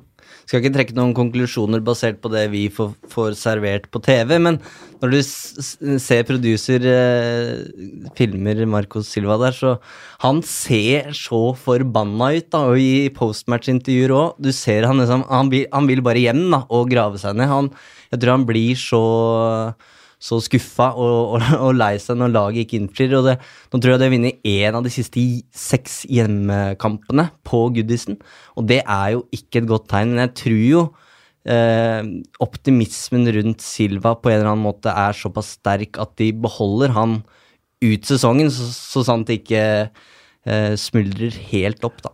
Ja, de har en elendig hjemmestatistikk nå. I tillegg har de jo City, Chelsea og Arsenal igjen, i hvert fall hjemme. Om Ja. ikke de har igjen United også, tror jeg. De har nok det. Og Liverpool. Ja. Så eh, det kan bli en ganske stygg vår på Goodison. Eh, Riktignok noen enkle hjemme bortekamper, men eh, det er ikke all verdens grunn til å være veldig optimist hvis du er eh, Everton-supporter. Så jeg er veldig spent på eh, Nå spilles dette inn eh, tirsdag. I morgen kveld så er det jo da sitte hjemme. Eh, hvordan de trår til. Um, Jamie Callagher var ute og meldte her om at eh, hver gang eh, et av lagene mm, Everton vil at skal vinne ligaen eh, når det er mot Liverpool, så legger de seg bare. Så vi får se. Vi, vi får se, i hvert fall. Det kan vel være at fansen i hvert fall tar det litt mer med ro i morgen, men eh, vi får ha såpass Men det er jo The Friendly Derby, så jeg vet da søren. Jeg tror det er nesten Jeg vet ikke hvem det er verst for, egentlig. Nei. Uh, ja. Uh, hvor eh, Det var et eller annet jeg skulle si, men det glemte jeg nå. Det var noe med Jo! Neste kamp for eh, etter Chelsea-kampen da, for eh, Marco Silva er jo tilbake til Watford, og der får han i hvert fall høre det. Eh, det er helt sikkert, selv om kanskje ikke det er de villeste fansen og mest hooligan-baserte. Burnley, Southampton, og der må vi bare hylle Peter Crouch. For tusen takk for at du skaffa Burnley et straffespark. Det er så deilig. og da skulle det endelig lykkes. Ikke noe postmatch-intervju med Sean Dyer som klager, men nei da. Det, det klarte vi ikke å unngå. Eh, det ble altså første straffesparket. 68 Premier League-kamper hadde gått uten straffespark. Det er helt vilt. Og at de ikke fikk straffe i første omgang, er også like vilt. Da var det Ashley Barnes. Crouch måtte inn. Ja. Han måtte inn, og han, altså, han jakter nå scoring i sin sjuende Premier League-klubb og kan da tangere Craig eh, Bellamy. Det er fett å ha Crouch i bak, Altså. Han kommer til å score, han. Han gjør det. Det er jeg ganske sikker på, rett og slett. Eh, og fortjent at Burnley kom tilbake etter at Southampton var bra i starten av den matchen. Syns de ser veldig positive ut, det, under uh, Hasselhotel. Eh, en veldig hyggelig fyr for øvrig. Han var jo trener i Ingolstadt da Ørjan Nyland var keeper der, og det er en ganske liten sånn plastikklubb, egentlig. Eh, så jeg var og lagde reportasje på Nyland, og der var det alt åpent, og han hadde god tid til å preike. og liksom Det er artig å tenke hvor raske steg han har tatt i ettertid av det, og han tror jeg kan Det er typisk om Gir et år, så er han trener i Everton. eller, eller en annen eh, klubb enda et eh, større sted enn Southampton. Det er litt utfordringa for Sotten. De har henta noen veldig bra managere fra utlandet som de ikke har fått beholde så lenge. Jeg tror kanskje det kan bli skjebnen her også. Det, jeg tenkte liksom umiddelbart eh, etter at han ble ansatt og fikk den starten han fikk, så bare mm, Ja, Manchester United. Det, det er kanskje litt prematurt, men eh, Veldig, da. Men eh, i hvert fall sånn som det har gått nå etter. Men eh, vi snakka om det. Vi satt jo her når Mourinho fikk sparken. Hvem? Så, og da var jo Hasenhotel Hotel i gang. Men jeg, Det er vanskelig å se kanskje det, men, men Everton er et godt tips. altså. Dukker nok opp der. Chelsea, Huddersfield. Vi får ta med oss Higuain, da. Starter. To mål. Eh, Azar ute der han trives best. Eh, han også med to skåringer. Men eh, De møtte et League One-lag. Ja, Huddersfield er ikke noe målestokk. Nei, det er faktisk ikke det. Selv om det er ikke lenge siden de holdt til 0-0 på Emirates til det var spilt 83. Så de kan jo på sine gode dager stable forsvar. Ja. Men eh, endelig eh, Hazard påskrudd igjen. Veldig godt å se, vil jeg tro, for Chelsea-supportere. Og en mann han kan leke litt med. Ja. Eh, og hele laget løfta seg jo. Det var jo, De fikk både tid og plass og i det hele tatt, og, og skuddene satt der de skulle. Så eh, positivt. Eh, men eh, jeg vil se ham mot litt bedre lag over Ja. litt bedre tid før jeg eh, begynner å hylle Iguain, tross alt. Men jeg leste en Jeg er ikke noe Bill Edgar, men jeg leste en kul statistikk. Eh, eller kul og kul. Første tomålsskårer eh, på Eller debutant da, som skårer to mål på hjemmebane for Chelsea siden 2000, da, i- Higuain. Hvem var det som gjorde det i 2000? Tore André Flo, forlorer? Nei da, Mario Stanic. Mario Stanic! ja. Fordi Flo kom jo dit i 96 eller noe Ja, ok, det, jeg går, jeg. Men det er jo fordi eh, gode kompiser av meg som er Chelsea-fans, har liksom lista opp alle disse Chelsea-spissene som har ly- mislyktes Ja. siden egentlig penga kom inn, da. Men dette er jo enda før det, til og med. Og de har jo en tradisjon for å kjøpe spisser over det topp. Og Maro Stanic hadde jeg faktisk Han hadde jeg ikke tatt i en quiz, ass. Den, lang, den sitter langt inne. Um, så ingenting er skrevet til stein selv om det blir to mål i debuten. Det kan jeg i hvert fall Nei, skrive under på. det, det får være konklusjonen. Eh, det andre målet er jo flott, men det er jo innom et bein, så det ødelegger litt. Men eh, Ja, ja, det er sant. imponerende debut av Higuain, som da tilbake med Sarri. Tilbake med Sarri, og han er altså den tredje argentineren som scorer for Chelsea i Premier League. En av de to andre er også en av disse spissene som antageligvis eh, omtales som en av de eh, over middagshøyden. Eller kanskje han ikke var over middagshøyden når han kom? Da han kom, Crespo. Ja, Han hadde jo egentlig en ganske god sesong. Han skåra en del mål, han. ja, ja. Var det, hvor lenge var han der? Var det, var Jeg tror bare det ble ett år. Og så ble han lånt ut igjen? 03-04. Ja. Det var han eh, første året til Amramovic. Ja. Eh, og så vet jeg ikke hvorfor, jeg husker ikke hele historien hva som skjedde den sommeren, men han forsvant ut. ja og Gikk tilbake til Milan på lån eller noe. hvis Jeg, jeg tror det var et eller annet sånt. Mm. Men han skåra faktisk en del mål. Og Juan Sebastian Verón. Det er de to Ja, andre argentinerne som har skåra for, eh, for dem. Uh, Cardiff-Bournemouth, det ble jo emosjonelt. Emanuel Emil- Emiliano Sala, som eh, de nå har funnet eh, eh, flyvraket til, eh, forsvant sammen med piloten David Ibbotson og ble hyllet før kampstart. eh, og siste 10-15 minuttene så var det jo Salah-sangen de har laget eh, hele veien. Og Cardiff City har jo også fått se, Cardiff Stadium var jo også åstedet for første kampen til Leicester etter eh, flyulykken der. Så de har fått sin eh, dose med um, emosjonelle matcher. Men stort selvfølgelig for eh, Bobby Reed å doble antall skåringer, og er nå toppskårer i Cardiff sammen med Patterson med fire mål. Mm. Warnock måtte jo ta til tårene der når han uh, takka fansen for kampen uh, etterpå. Så det var emosjonelt.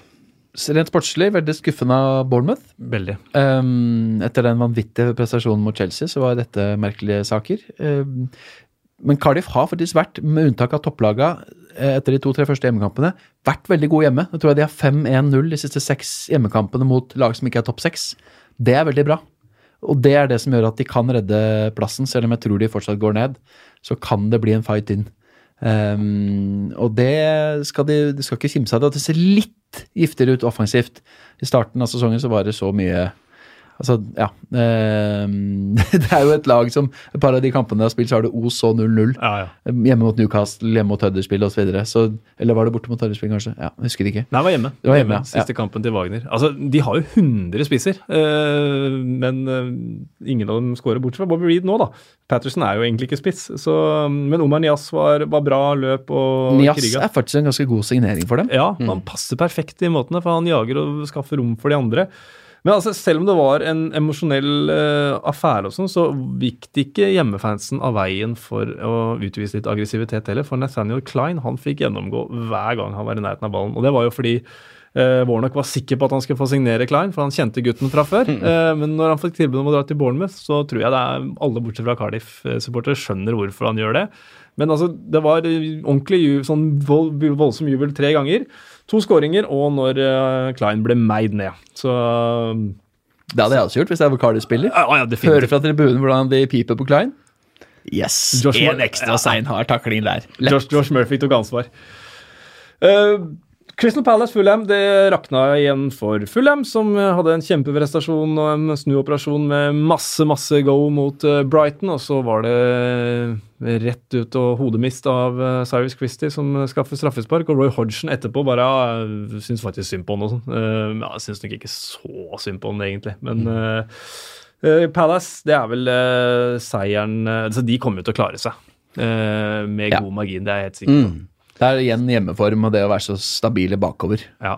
Vi slipper inn lite, både hjemme og borte, og særlig hjemme. Og så har de fått Batman. Du, altså eh, Christian Benteke. Den derre Helt ja. Ja. Det er det jeg husker best. Ja, ja. Gud hjelpe meg om den hadde gått inn, da! Det var ellevill. Altså, du har null selvtillit, antakeligvis, fordi du har ikke scora mål på gud veit hvor lenge, og så prøver de det der. Åh, det er jo helt fantastisk. Og så ser du at han drar det trikset opp av hatten og får jo eh, kanontreff. Det er så Ja. hardt. Eh, og så går det da i tverrliggeren, og du ser han blir så så lei seg. Men eh, så var det veldig fint før kampen å se eh, Hodgson og Ranieri. Det var som å se to sånne krigsveteraner som møttes for første gang. Eh, det var et veldig gledelig gjensyn. Hodgson, som jo redda Fulham i, eh, for en elleve år siden. Eh, nå har de, for si dessverre for Fulham, ikke han lenger. Og det er vel flere som, eh, som tviler på om Lazar Markovic og Håvard Nordtveit skal redde dem. Men uh, Moneyball-teorien den lever videre i uh, Fulham, og overhodet ikke i beste velgående. Watford-Brighton, der tror jeg vi nøyer oss med å konstatere at eh, det var pent gjort av Ben Foster og hylle fansen som møtte opp i kulda. Eh, han var brennhet og redda det meste. Mm. og- Watford heldige. Watford heldige, og Louis Dunk som liggende stikker hodet ned i beina på Will Hughes som er i ferd med å skyte. Det er, eh, det er stort. Det var moro å se på. Morata var kjempegod. Hva i all verden? Er. Han snakka ikke om seg sjæl, han snakka om dommeren. Eh, blomster, kaktuser osv. Jeg tenker jo blomsten nesten bokstavelig talt ender i eh, Cardiff. Med påskeliljer eh, på tribunen og påskeliljer i midtsirkelen. Emiliano Salas som ble hyllet med det. Men Påskeliljene, eller eh, daffodils, er jo Wales sin blomst, også forbundet med noe annet. Det er jo litt dårlig gjort, da, for det trumfer jo egentlig alle de andre blomstene. Men eh, har du noen forslag? det? Ja, det blir jo veldig dumt å komme med sånt flåsete forslag. Nei, nei, nei. Det er dårlig av meg. Det er dårlig av uproft av meg. ja, jeg melder pass på den. Nei, jeg hadde tenkt til å foreslå José Mourinho. jeg. Å, det er sterkt! Han er eh, hadde jo en episode eh, i fjor hvor han skulle på en landskamp på Wembley, og liksom foran journalistene klarer å snuble i et slags gjerde og tryne da foran alle. Uh, og nå var han uh, i russisk ishockey, Jonas, hvis jeg ikke helt Det er feil. Ja. Skulle, uh, skulle tatt ta litt vodka der. på tribunen før match. da. Servere sterke saker i VIP-loungene i KHL. Gå rett på ryggen da, på, på isen her, og det, da, da fikk jeg vondt av José Mourinho, for det der Går det an å få vondt av José Jeg Mourinho? fikk litt vondt av Nei, gud hjelpe Mourinho. meg. Det er medmenneskelig, jeg vet. Jeg klarer heller ikke helt å få den store sympatien, altså, men eh, det, det er godt. Men det er, bedre det, er, enn meg. det er sånn han husker, da, fordi hun var i, i Sveits eh, når United møtte Young Boys. Eh, og dette var da rett etter at han eh, gikk på trynet på Wembley, og da vant de jo den kampen. Det var jo e egentlig en av sesongens store høydepunkter. Ja. Eh, Sier en del. Ja, det Ikke sier sant? det. Eh, men da etter pressekonferansen, da, så, så snur han seg liksom mot eh, journalisten, og da er jo gi vakt hos alle sammen og lurer på hva er det som skjer her nå. Eh, og da sa han det at eh, For da hadde han dempa ballen da, på, på sidelinja i løpet av kampen, og så sa han når jeg gjør det der, så sier dere ingenting, mens når jeg tryner på Wembley, da er det liksom overskriftene. Så det har jo blitt overskrifter igjen nå med, episoden i Russland. Men uh, ja. Det, jeg lever helt fint med at det, den ikke får, uh, får blomsten. Altså. Jeg tenkte faktisk blomsten til han linjemannen på eh, London Stadium. Jeg. Ja. Går litt motstrøms der. Litt sånn det går så fort. Han har fokus der, snur seg. Og så skal han jo være grusomt heldig. Det er riktignok mann på motsatt side som uh, glipper Origi gjennom, da, så gudene Mm. veit hva de har snakka om før matchen. Men jeg gir faktisk en bitte liten blomst, fordi å være linjemann En ting er på de faste situasjonene hvor de hjelper hverandre, og den ene linjemannen sier now når han skyter, Ja. eller slår crossen, sånn at du, linjemannen på andre sida faktisk kan følge linja. Men i åpent spill sånn, for en forferdelig jobb. Helt forferdelig. Har du en litt dårlig dag, så blir du liksom pissa på av millioner av TV-seere, og ikke minst mye folk på stadion. Mens eh, vi kan jo bare sitte her og sleive litt, Ja. og så kan vi klippe vekk det verste, hvis det skulle være mot formodning. Ja. Nei, nei, litt av blomst dit. Og så eh, at det ikke ble to offside-mål, tror jeg han skal være veldig glad for. Ja, Eh, det- Så kanskje Divo Korige skal få en liten blomst òg. Eh, Ole Jan Nedrebø han foreslår faktisk blomst til Kasper han får kommentering på 2-1-målet til Ja, det var eh, City. fin. Selv du, Brede, uten hår, får bakoversveis. Eh, det kan jeg kjenne meg igjen i. Det jeg var jo sammen med Brede i England for et par år siden. Eh, Nei, et par år siden, så det var jeg i hvert fall ikke. Men for to uker siden, og da jeg var nesten frista til å si ja, det er vel den minst hårfagre kommentatorduoen noen gang, eller et eller annet sånt, men Uh, Holdt du det- holdt du deg for god? Nei, jeg fant ikke noe bra måte å si det på. Jeg er ikke like ordkunstner som uh, en del av mine kollegaer. Jeg skulle gjerne vært det. Uh, jeg fant ikke noen god anledning, men jeg skal prøve å jobbe med det. Kanskje det skulle vært en midtbane til Palermo for en ti år siden hvor alle var skada. Den, den var fin. På litt sånn, litt, sånn dårlig, litt sånn dårlig linje å kommentere det, og så så jeg fire på rad, like høye, omtrent like draktnumre. Da, da koste man seg. Eh, kaktusen. Eh, forslag, gutter. Her skal ikke jeg eh, ødelegge eh, i forkant. Banemannskap på London Stadium som bare preppa den banehalvdelen som Westham skulle angripe på i andre omgang. Men det gjorde jo eh, Anfield-banemannskapene på Liverpool-Leicester. Du fikk Ja. jo tvi for det eh, for ikke så lenge siden. Ja. Men de tror du de hadde fått med seg overskriften etter den eh, Det kan være. Liverpool-Leicester og gjorde det samme? Jeg hadde ikke gjort det, men jeg kan godt være at, de, eh, at det var en sånn eh, Takk for sist, holdt jeg på å si. Ja, det kan godt være. Jeg slenger kaktusen retning eh, Arsenals spillergruppe, jeg. Kan jeg få lov til det? Ja, det skal du få lov til. Har jeg, Ja, du- ja, har jeg på en måte, ja. Enkelt og greit av det vi snakka om tidligere i, i sendinga. Jeg har ikke, trenger ikke å utdype noe mer enn Kom dere på jobb, balleløse sveklinger. Nei da. Men eh, jeg, syns, jeg syns at det er kjipt som supporter å gå inn i en sånn match og ha absolutt null forventninger. Forventningen er å eh, begrense ydmykelsen. Det er trist, det. Ja. Det er kjipt, det. Sånn er det å være Arsenal-supporter på de bortekampene der. Og så er det et veldig aktuelt tema da med Sarri som sier at han ikke klarer å motivere den spillergruppa. Altså Han har snakka så mye med dem at han på en måte sier til pressen at 'jeg har forstått at jeg ikke klarer det'. Uh, og det, det her var også et tema med Mourinho. altså Klarer ikke Mourinho som en av den gamle skolen da å motivere disse tenåringene som på en måte har vokst opp litt med puter under armene? Altså sånn Tvers over gangen her så spilles det inn en podkast som heter Millennials. Kanskje vi skulle fått de jentene der til å komme inn og forklare oss hvordan dagens ungdom tenker. Hvorfor får ikke disse gamle gutta som har- var genierklært i sin tid, til å forholde seg til dagens moderne fotballspillere?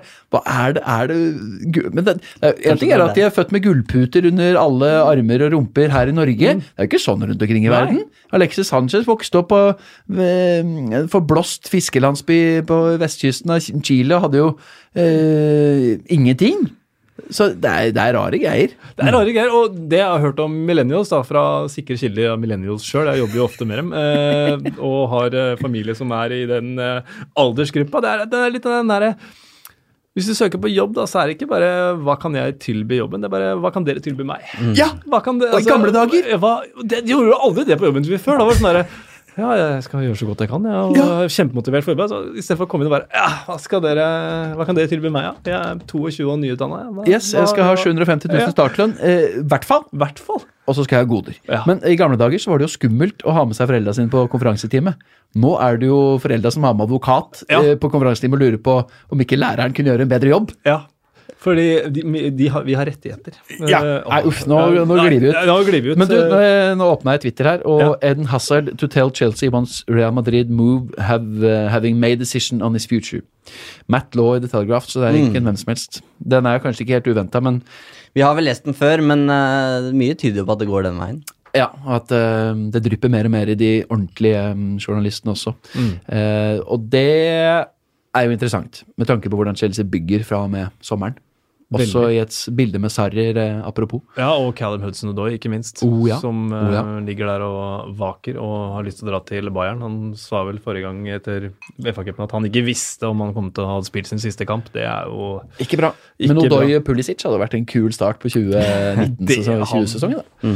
Så er det noe med Sarri også at eh, Ja, han går ut og sier det, men jeg har, uten at jeg veit det, så har jeg en følelse at han har litt mer Litt mer sånn, om ikke faderlig, så nær Best, relasjon Bestefarlig. Ja, kanskje litt mer bestefarlig relasjon til spilleren enn det Conte Mourinho hadde. Så kanskje han har litt større sånn uh, armslag til å kunne gjøre det, da. Eh, Kaktus, ja, kaktusen til spillergruppa. Eller, ellers hadde jeg er litt sånn gammel kaktus, da, fordi vi har jo hatt en midtukerunde også. Jeg var litt sånn på Ward Prowse ja, når han får uh, Saha utvist. Jeg syns den er ufin. Jeg vet ikke om dere så den, men han uh, terger opp, uh, terger opp Saha, så går han sånn yeah! Til, Yes. ja, det syns jeg ikke noe om. Eh, selv om det er sikkert litt sånn bestefar av meg å si. Ja, men det er det samme som Mané som dytta i ryggen på Fredericks, og så sekunder, og fikk innkastet feilaktig, burde vært frispark mot, Ja. og så sekunder etterpå kaster seg fram. Og så er det noen som sier yeah, this is why we don't want Liverpool to win the championship. Ja. Herregud. Selvfølgelig en liten, liten sånn albu der, Ja, og det må være greit. Jeg tenker at uh, Bård Prowse er smart, får ut uh, motstanderens beste spiller. Takk for kaffe. Ja. Ashley Barnes uh, han fikk altså ikke rødt kort for den tiraden han hadde mot assistentdommer. og der måtte jeg, til og med jeg så på uh, noe britisk TV, så hadde de, selv om det ikke var lyd, så hadde de sladda munnbruken. Altså, ah, for det, det var så tydelig. altså Han burde jo vært uh, rett ut. Uh, ellers så var det jo hadde er fryktelig lyst til å gi en kaktus til Daesh, som selv etter å ha fått fri, straffespark klarer å klage over det han ikke har fått. Men eh, jeg um, jeg lar deg få den, Jonas. Ok, ja, men det er Du kan få. Takk for det. Eh, eller det er jo strengt tatt Arsenals Arsenals gruppe som får den. Ja. ja. øyeblikket. Eh, Jonas, har du et øyeblikk fra runden?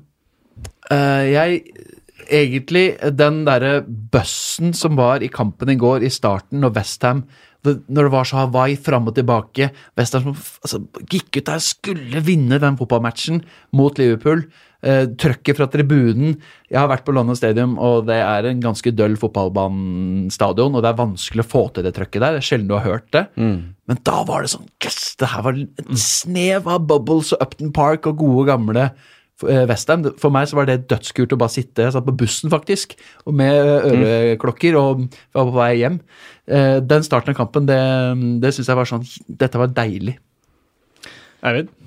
Ja, eh, hvis jeg skal trekke fram noe sånn sportslig øyeblikk, så blir det Aguero-mål, tror jeg. Eh, eller altså ett av de, da. Eh, men det gjennomspillet fra Gundogan til uh, Stirling, og så åpent mål for, for Aguero. Det er så Guardiola som du får det, da. Og du venta liksom Det var jo litt spenning før matchen i og med at de hadde tatt poeng mot Newcastle og alt. Alt det der er, er eh, City up for it? Er de på en måte Er Guardiola fortsatt den eh, ja, den favoritten da, til å ta det City-laget her til topps, og så svarer de på en måte på den måten. da. Og det er så Ja, nei, det Rundens mål. Det, Det var et mål fra himmelen, det var det. Ellers så har du den til André Gomes, og som er eh, den som han smeller opp i nettaket. Ja. Meget fin scoring. Jeg veit jo ikke hvor uh, mange ganger jeg får være vikar igjen. Det er ikke sikkert det kan være det siste gangen. Så jeg tror faktisk jeg skal bruke vetoretten min her. Uh, som jeg vet ikke om Kasper har sagt at jeg har vetorett, men uh, jeg innfører det nå. Jeg gir rundens øyeblikk til Bernie for straffespark. Jeg syns det var, var, var så stort. Var så stort. Og at Peter Crouch er den som skaffer det, tipper det for meg. Ukjent helt. altså Vi er jo så langt ute i sesongen at det begynner å bli vanskelig å begynne å snakke om spillere som ikke har får stjele overskriftene. Jeg ser eh, Otto Gjøran Knopf. eh, han mener at den eh, ukjente helten må være katta på Goodison. Det kan det jo være. Har vi noen, noen andre? Jeg har kanskje Johnny Johnny på Wolverhampton, som ikke har fått de samme overskriftene som Ja. motsatt back Docker, Docherty har hatt. Det, det var liksom min kandidat, men uh, Igjen en kanonkamp, og han er jo nære å score en gang på en gang. Han mangler bare bitte litt, så få Ja. kommer han og noterer målpoeng de luxe. Ja. men ref, den katta er jo fortsatt ganske ukjent. Ja. Husker du The Anfield Cat for Ja. noen år siden? Hvor Mathias Skarpaas, til Ja, din kollega, som dro over og liksom lette og lette og lette til en katta. Sky Sports var ute og fant lette etter katta. Var den svart? Ja, Ja, kanskje det er den samme. ja det, kan, Ikke så, så var det, det er sant. Det er jo tre kort, få meter få sikkert, det er sikkert flere svarte, svarte katter i Liverpool òg, men uh, så var det en skjære på King Power Ikke skjære, due, kanskje. ja. Due på King Power Stadium, men han bæsja ikke på Ashley Young, da. Nei. Det skjedde jo uh, forrige sesong. På King Power? Nei. Det hadde vært stort. Det samme dua, liksom. Uh, nei eh, ja, Fotballmessig uh, Johnny Johnny, da. Og uh, Fauna, katta. Jeg syns katta er fetere enn uh, du. Det er litt kult at de ikke klarer å fange den, da. Ja, det er det. To og et halvt minutt. Det er mer underholdning enn det Everton klarte å skape i den matchen. Uh, Vi skal til Bill Edgar. Arsenals syv siste. Aldri skjedd! Første gang siden er den sjette spilleren. Fun factsene til Bill Edgar. Eh, Vi har eh, Sergio Aguero har nå sitt tiende Premier League-hat trick. Det er bare Alan Shearer som har flere. Eh, For United-fansen så kan jeg informere om at han har skåra ni hat trick siden sist en Manchester United-spiller gjorde det. Det var Robin van Persie i 2013 mot Aston Villa. Med annet den volleyskåringen. Med annet den volleyskåringen, ja. Ny rekord. Solskjær kan bryte der. Ja.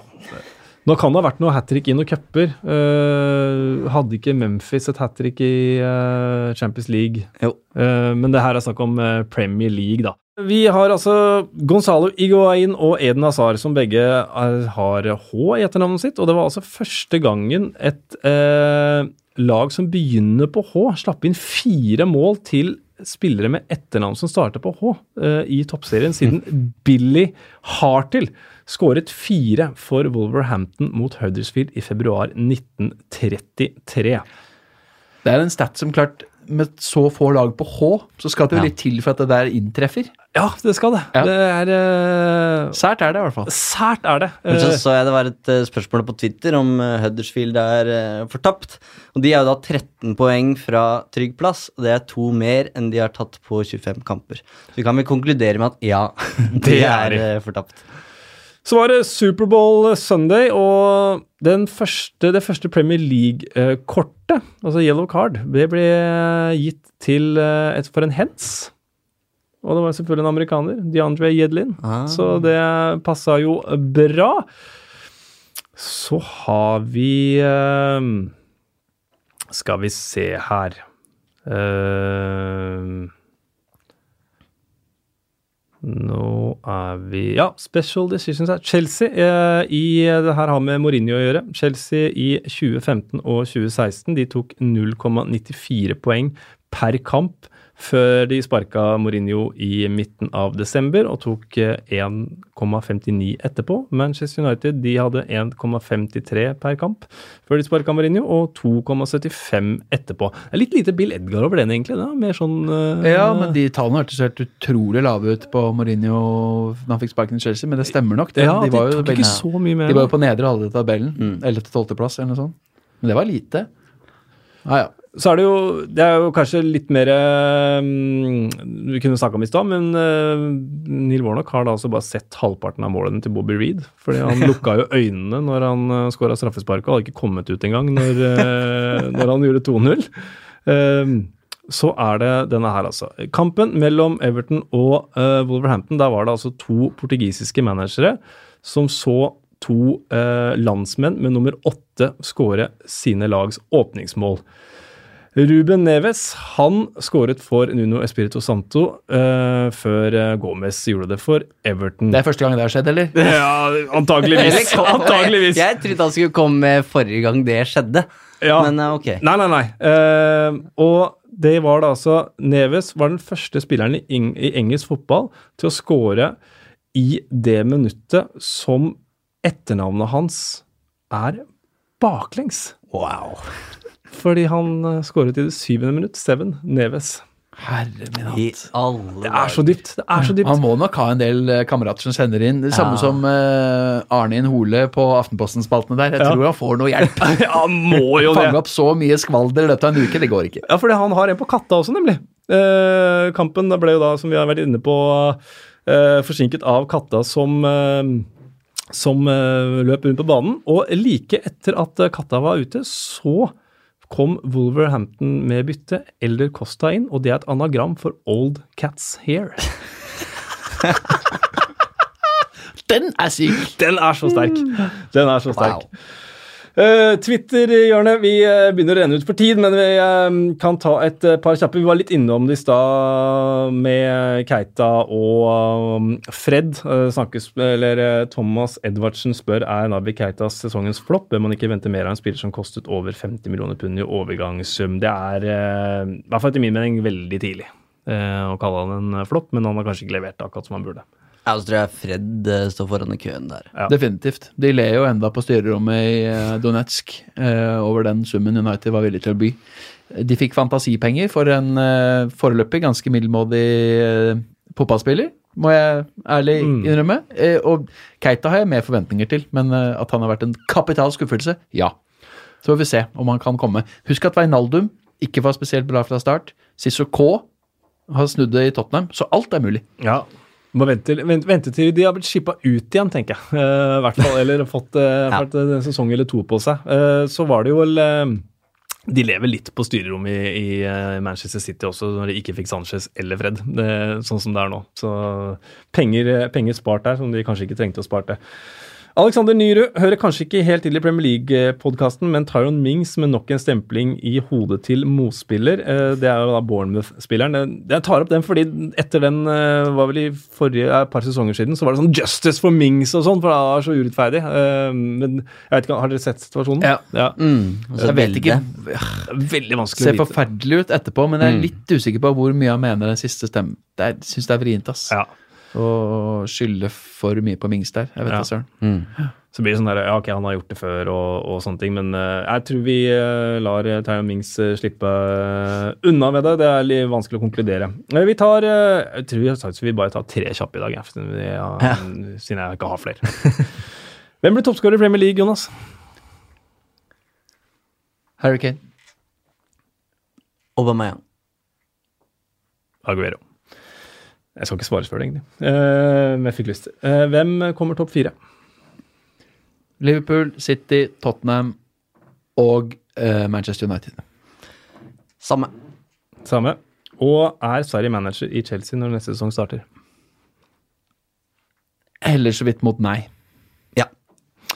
Da har du fått eh, svaret på det. Etter eh, oss så eh, har vi noen flere bonusspor hvor du kan høre Brede og Kasper oppsummere runden på søndag. Og Kasper som tar Paul Inns i forsvar, få med deg den. Paul Inns har jo vært ute og meldt at han kunne gjort akkurat det samme som Ole Gunnar Solskjær. Og det skal han forsvare, det gleder jeg meg til å høre. Ja, den blir fin. Eh, Eivind, tusen takk for at du eh, tok deg tid til å komme hit eh, i dag. Det har vært en glede å ha deg som vanlig. Takk for at jeg fikk komme. Veldig hyggelig. Jonas, eh, og apropos ta seg tid, du er jo midt i oppkjøring på Eliteserien nå, men allikevel Midt i oppkjøringen på Eliteserien, ja. Ja. Det er riktig. Det er i dag eh, 59 dager til det braker løs. Det er klart, vi kjenner på presset. Og det gjør også det. Det er snart squeaky bomb time, som Kasper sa det så fint i helgen. Vi kjenner, kjenner på presset i Liverpool og Manchester City. Jonas kjenner på presset før eh, Eliteserien. Og gå inn i iTunes og gi oss masse stjerner hvis du har lyst til det. Det er vel kanskje ikke mulig å gi mer enn fem, men eh, gi oss gjerne det. Og tusen takk, eh, Håkon. Som har falt oss stødig her, og til og med må redigere litt etterpå. Det, vi skal få inn noen klipp her. Og moderne media, selvfølgelig. Vi takker for følget og håper du koser deg med denne og poddene i framtida. Eh, Da sitter eh, Brede og jeg på toget fra Manchester til London. Vi har akkurat kommentert eh, Manchester City mot Arsenal 3-1. Og i morgen, når vi sitter her, så er det Westham Liverpool som skal kommentere. Så vi aner jo ikke hvordan den matchen har gått. Men mellom Manchester City og Arsenal i dag, så må man vel si at det egentlig var klasseforskjell. Ja, Der tok du ordene ut av munnen min, Kasper Vikstad. Du er jo en uh, flink uh, Premier League-ekspert som uh, har orden på tingene. Manchester City klart bedre enn Arsenal. Arsenal nå 21 bortekamper mot topp seks-motstand uten seier. Det er ganske utrolig. Eh, kan vel ikke være noen andre lag i Premier League som ikke har fått én seier på 21 kamper mot topp seks. Så Arsenal har litt å jobbe med. Men dette var jo kampen City måtte vinne, eh, av mange grunner. Én, de tapte mot Newcastle i midtuka. To, eh, de har ikke råd til feilskjær hvis de skal kjempe med Liverpool om, eh, og kanskje Tottenham om eh, ligagullet. Eh, og det var en bunnsolid forestilling. Ikke noe sånn City på sitt aller beste, men glimtvis. Aguero var på topp, og det andre målet der, eh, rett før pause. Altså fotball som Picasso eller van Gogh eller Beethoven eh, fra, fra, den, fra det nivået i kunstens verden. Det var rett og slett en nytelse. Aguero slapp heldigvis å kutte seg eh, øret på veien til eh, det kunstneriske perfeksjon, men det er ganske sjukt. Eh, mange målskårere skårer mange mål mot diverse motstandere. Aguero han leverer nesten hver eneste gang i toppkampene. han. Ja, Det forteller jo noe om en toppidrettsskalle, syns jeg. da. For det, det er selvfølgelig lettere å skåre mot eh, mindre god motstand. Det skjønner alle. Så dette er jo en spiller som, eh, som virkelig eh, møter opp når det gjelder som mest. Uh, og Du kan nesten se det på Aguero, på, på kroppsspråket hans og engasjementet hans i disse kampene, at han lever litt for dette. Det er dette som trigger Aguero virkelig. Uh, og dypt imponert, ikke bare at han skårer mål, men òg den arbeidsinnsatsen han legger ned. Så smart han er i bevegelsene. Uh, Det er rett og slett eh, toppidrett det Aguero driver med. og eh, Eh, ja, jeg har jo spilt mot han mange ganger sjøl og, og vet hvor, eh, hvor god han er. Han, han bruker kreftene på akkurat det som han skal bruke krefter på, å skåre mål. Eh, og, og i de avgjørende situasjonene der er han til å stole på. Så eh, Guardiola er nok ganske fornøyd med den lille argentineren når han går, går i seng eh, nå på kvelden. Vi var inne på det i matchen også, hvor utrolig flink han er til å bruke den lille firkanta kroppen, eh, kroppen sin. Du er jo ca. halvannen meter høyere enn eh, Aguero, men har du, har du følt på at du har tapt fysiske dueller mot han likevel? Ja, på akkurat den måten som han egentlig demonstrerte i dag òg. At eh, når det kommer en, en lang ball som du tenker at den lange midtstopperen kommer til å vinne, så uh, Aguero litt som en sånn en sånn lettvektbokser. sant? Da går han i kroppen og, og får motstander ut av balanse. Der hans, jeg tror tankegangen hans er at han andre der skal bare ikke klare å heade ballen. Så den detter ned et eller annet sted, og så vender han jo på en femøring og setter fart på. Eh, Og, og det er en ferdighet som, eh, som de beste små spissene har. Og Aguero er helt der oppe i den kategorien. Hvis noen hørte at eh, konduktøren snakket i høyttaleren her, så er vi på Milton Keanes nå. Eh, Alt som er galt med fotballstasjonen. Heldigvis er de i elendig form i league 2. Eh, Jeg tror de er på 18.-plass på de ti siste kampene i league 2. De klamrer seg fast på playoffen der likevel. Det er jo tre lag som rykker direkte opp fra league 2 òg, men det er deilig å se at Milton Keanes eh, sliter, og det skammer jeg meg ikke for å si heller. Nei, og kan jeg bare legge til der at vi, det er et veldig kort stopp før vi drar videre til London Houston her i Milton Keynes. Ser folk haster av toget og løper av perrongen, og vi har ikke tenkt å bli her. Ikke tenkt å bli her på noe som helst uh, måte. Eh, vi ser jo mye Manchester City på TV og sånt og I dag satt vi høyt oppunder taket og fikk sett det ovenifra. Eh, er de, er de uslåelige nesten sånn på, på hjemmebane? Er det, er det fryktinngytende å se på når du ser på det som en fagmann? Ja, eh, nå skåra jo Arsenal vekk ved Korselny, men eh, Manchester City hadde, kom vel da opp i 25 mål eh, uten at motstanderen skårte på en rekke med kamper der i denne perioden. og Det er jo ekstremt imponerende.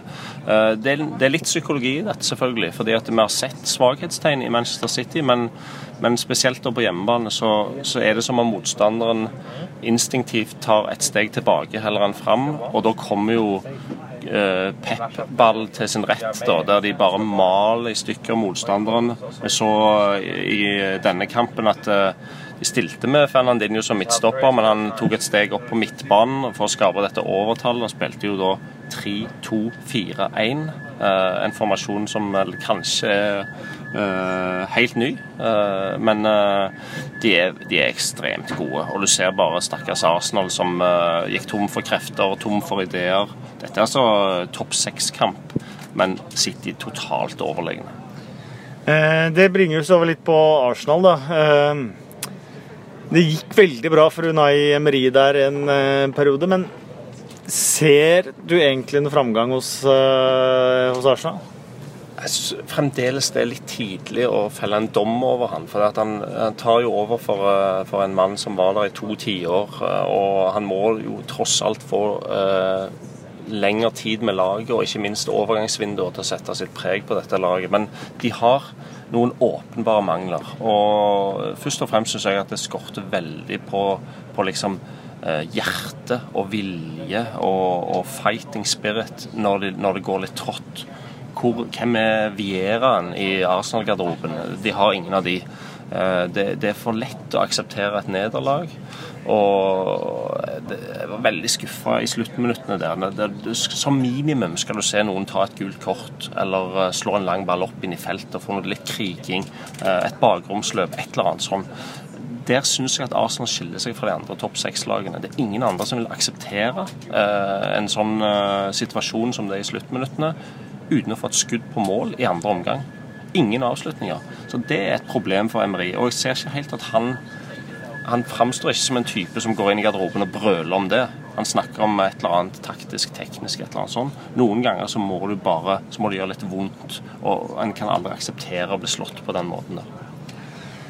Eh, Pep eh, Guardiola eh, Han har jo Jeg syns han skiller seg ut på, på en måte at han Det kampprogrammet som Manchester City har nå, sammenlignet med Liverpool sitt, det er, eh, det er nesten dobbelt så mange kamper i løpet av en eh, periode her, eh, her nå. Men du hører aldri noe sutring fra Guardiola på, på det. men hvor mye har det egentlig å si? Nå fikk de flytta den Everton-kampen til midtuka her også.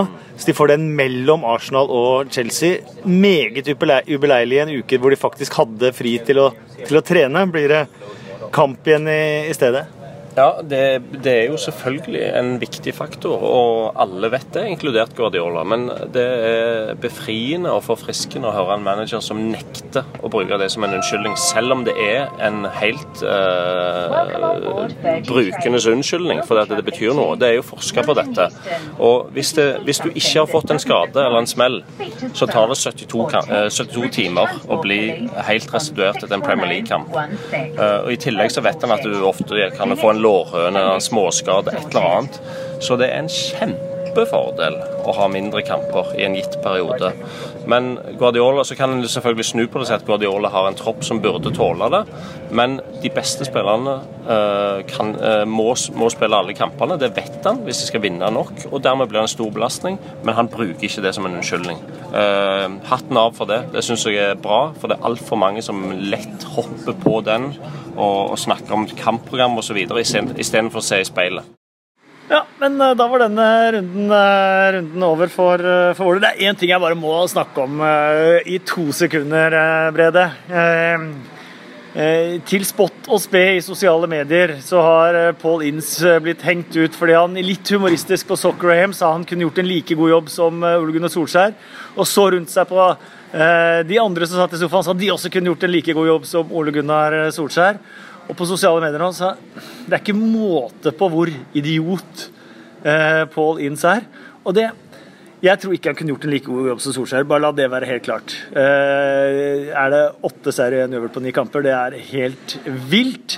Når det er sagt, eh, så skjønner jeg jo godt at Paul Inns vil mene det. Han er en ambisiøs manager, han har fortid i klubben. Eh, han ville nesten ikke vært, være verdt noe på jobbsøkermarkedet heller, som manager, hvis han ikke hadde tro på seg selv og ikke hadde tro på han kunne gjøre en god jobb. Eh, For meg så er det en herlig, litt breial melding. Eh, Så kan det godt hende at det er feil, det får vi ikke svaret på. Eh, Men at han skal hunses fordi han sier at dette kunne han gjort litt humoristisk i et litt humoristisk program, det syns jeg er rart. Ja, det, du har jo oppsummert alt. Var, var dette et spørsmål? eller en Nei, det var en liten sånn halvrant fra meg. for at jeg, Man har så lett å sette seg på sin høye hest og oh, engelske eksperter, og hva er det mulig, eh, etc. etc., etc. Og så har han ikke vært like god i alle jobber han har hatt, men han har også vært meget god. Eh, så, så, og vist resultater som manager Paul eh, også. Eh, men det er veldig lett å ta til den der at å, engelske eksperter, idioter, liksom. Problemet med sosiale medier, dette her, sant? alle skal ta oss hele veien. Tenk om man hadde gjort det motsatte og gått, eh, sagt at nei, jeg hadde vært sjanseløs, jeg er en elendig trener, har ingen ambisjoner, hadde gått rett i dass. Det kan han jo ikke gjøre. Jeg tror jo faktisk at veldig mange av oss kunne gjort en like god jobb som Solskjær i starten. I de aller første kampene. Cardiff borte, Huddersfield hjemme. Bare gått inn i garderoben og sagt 'spill, gutta', bare spill. Men Solskjær har vist nå at han er en god manager. Sannsynligvis bedre enn Paul Ince. Antakeligvis bedre enn Paul Ince. Men det er helt åpent for at Paul Ince har trua på seg sjøl. Ja, det må han få lov til. Og det ville jo vært en fallitterklæring om han ikke hadde det. Så la Paul Ince snakke. Solskjær la laget snakke. Det er deilig, det.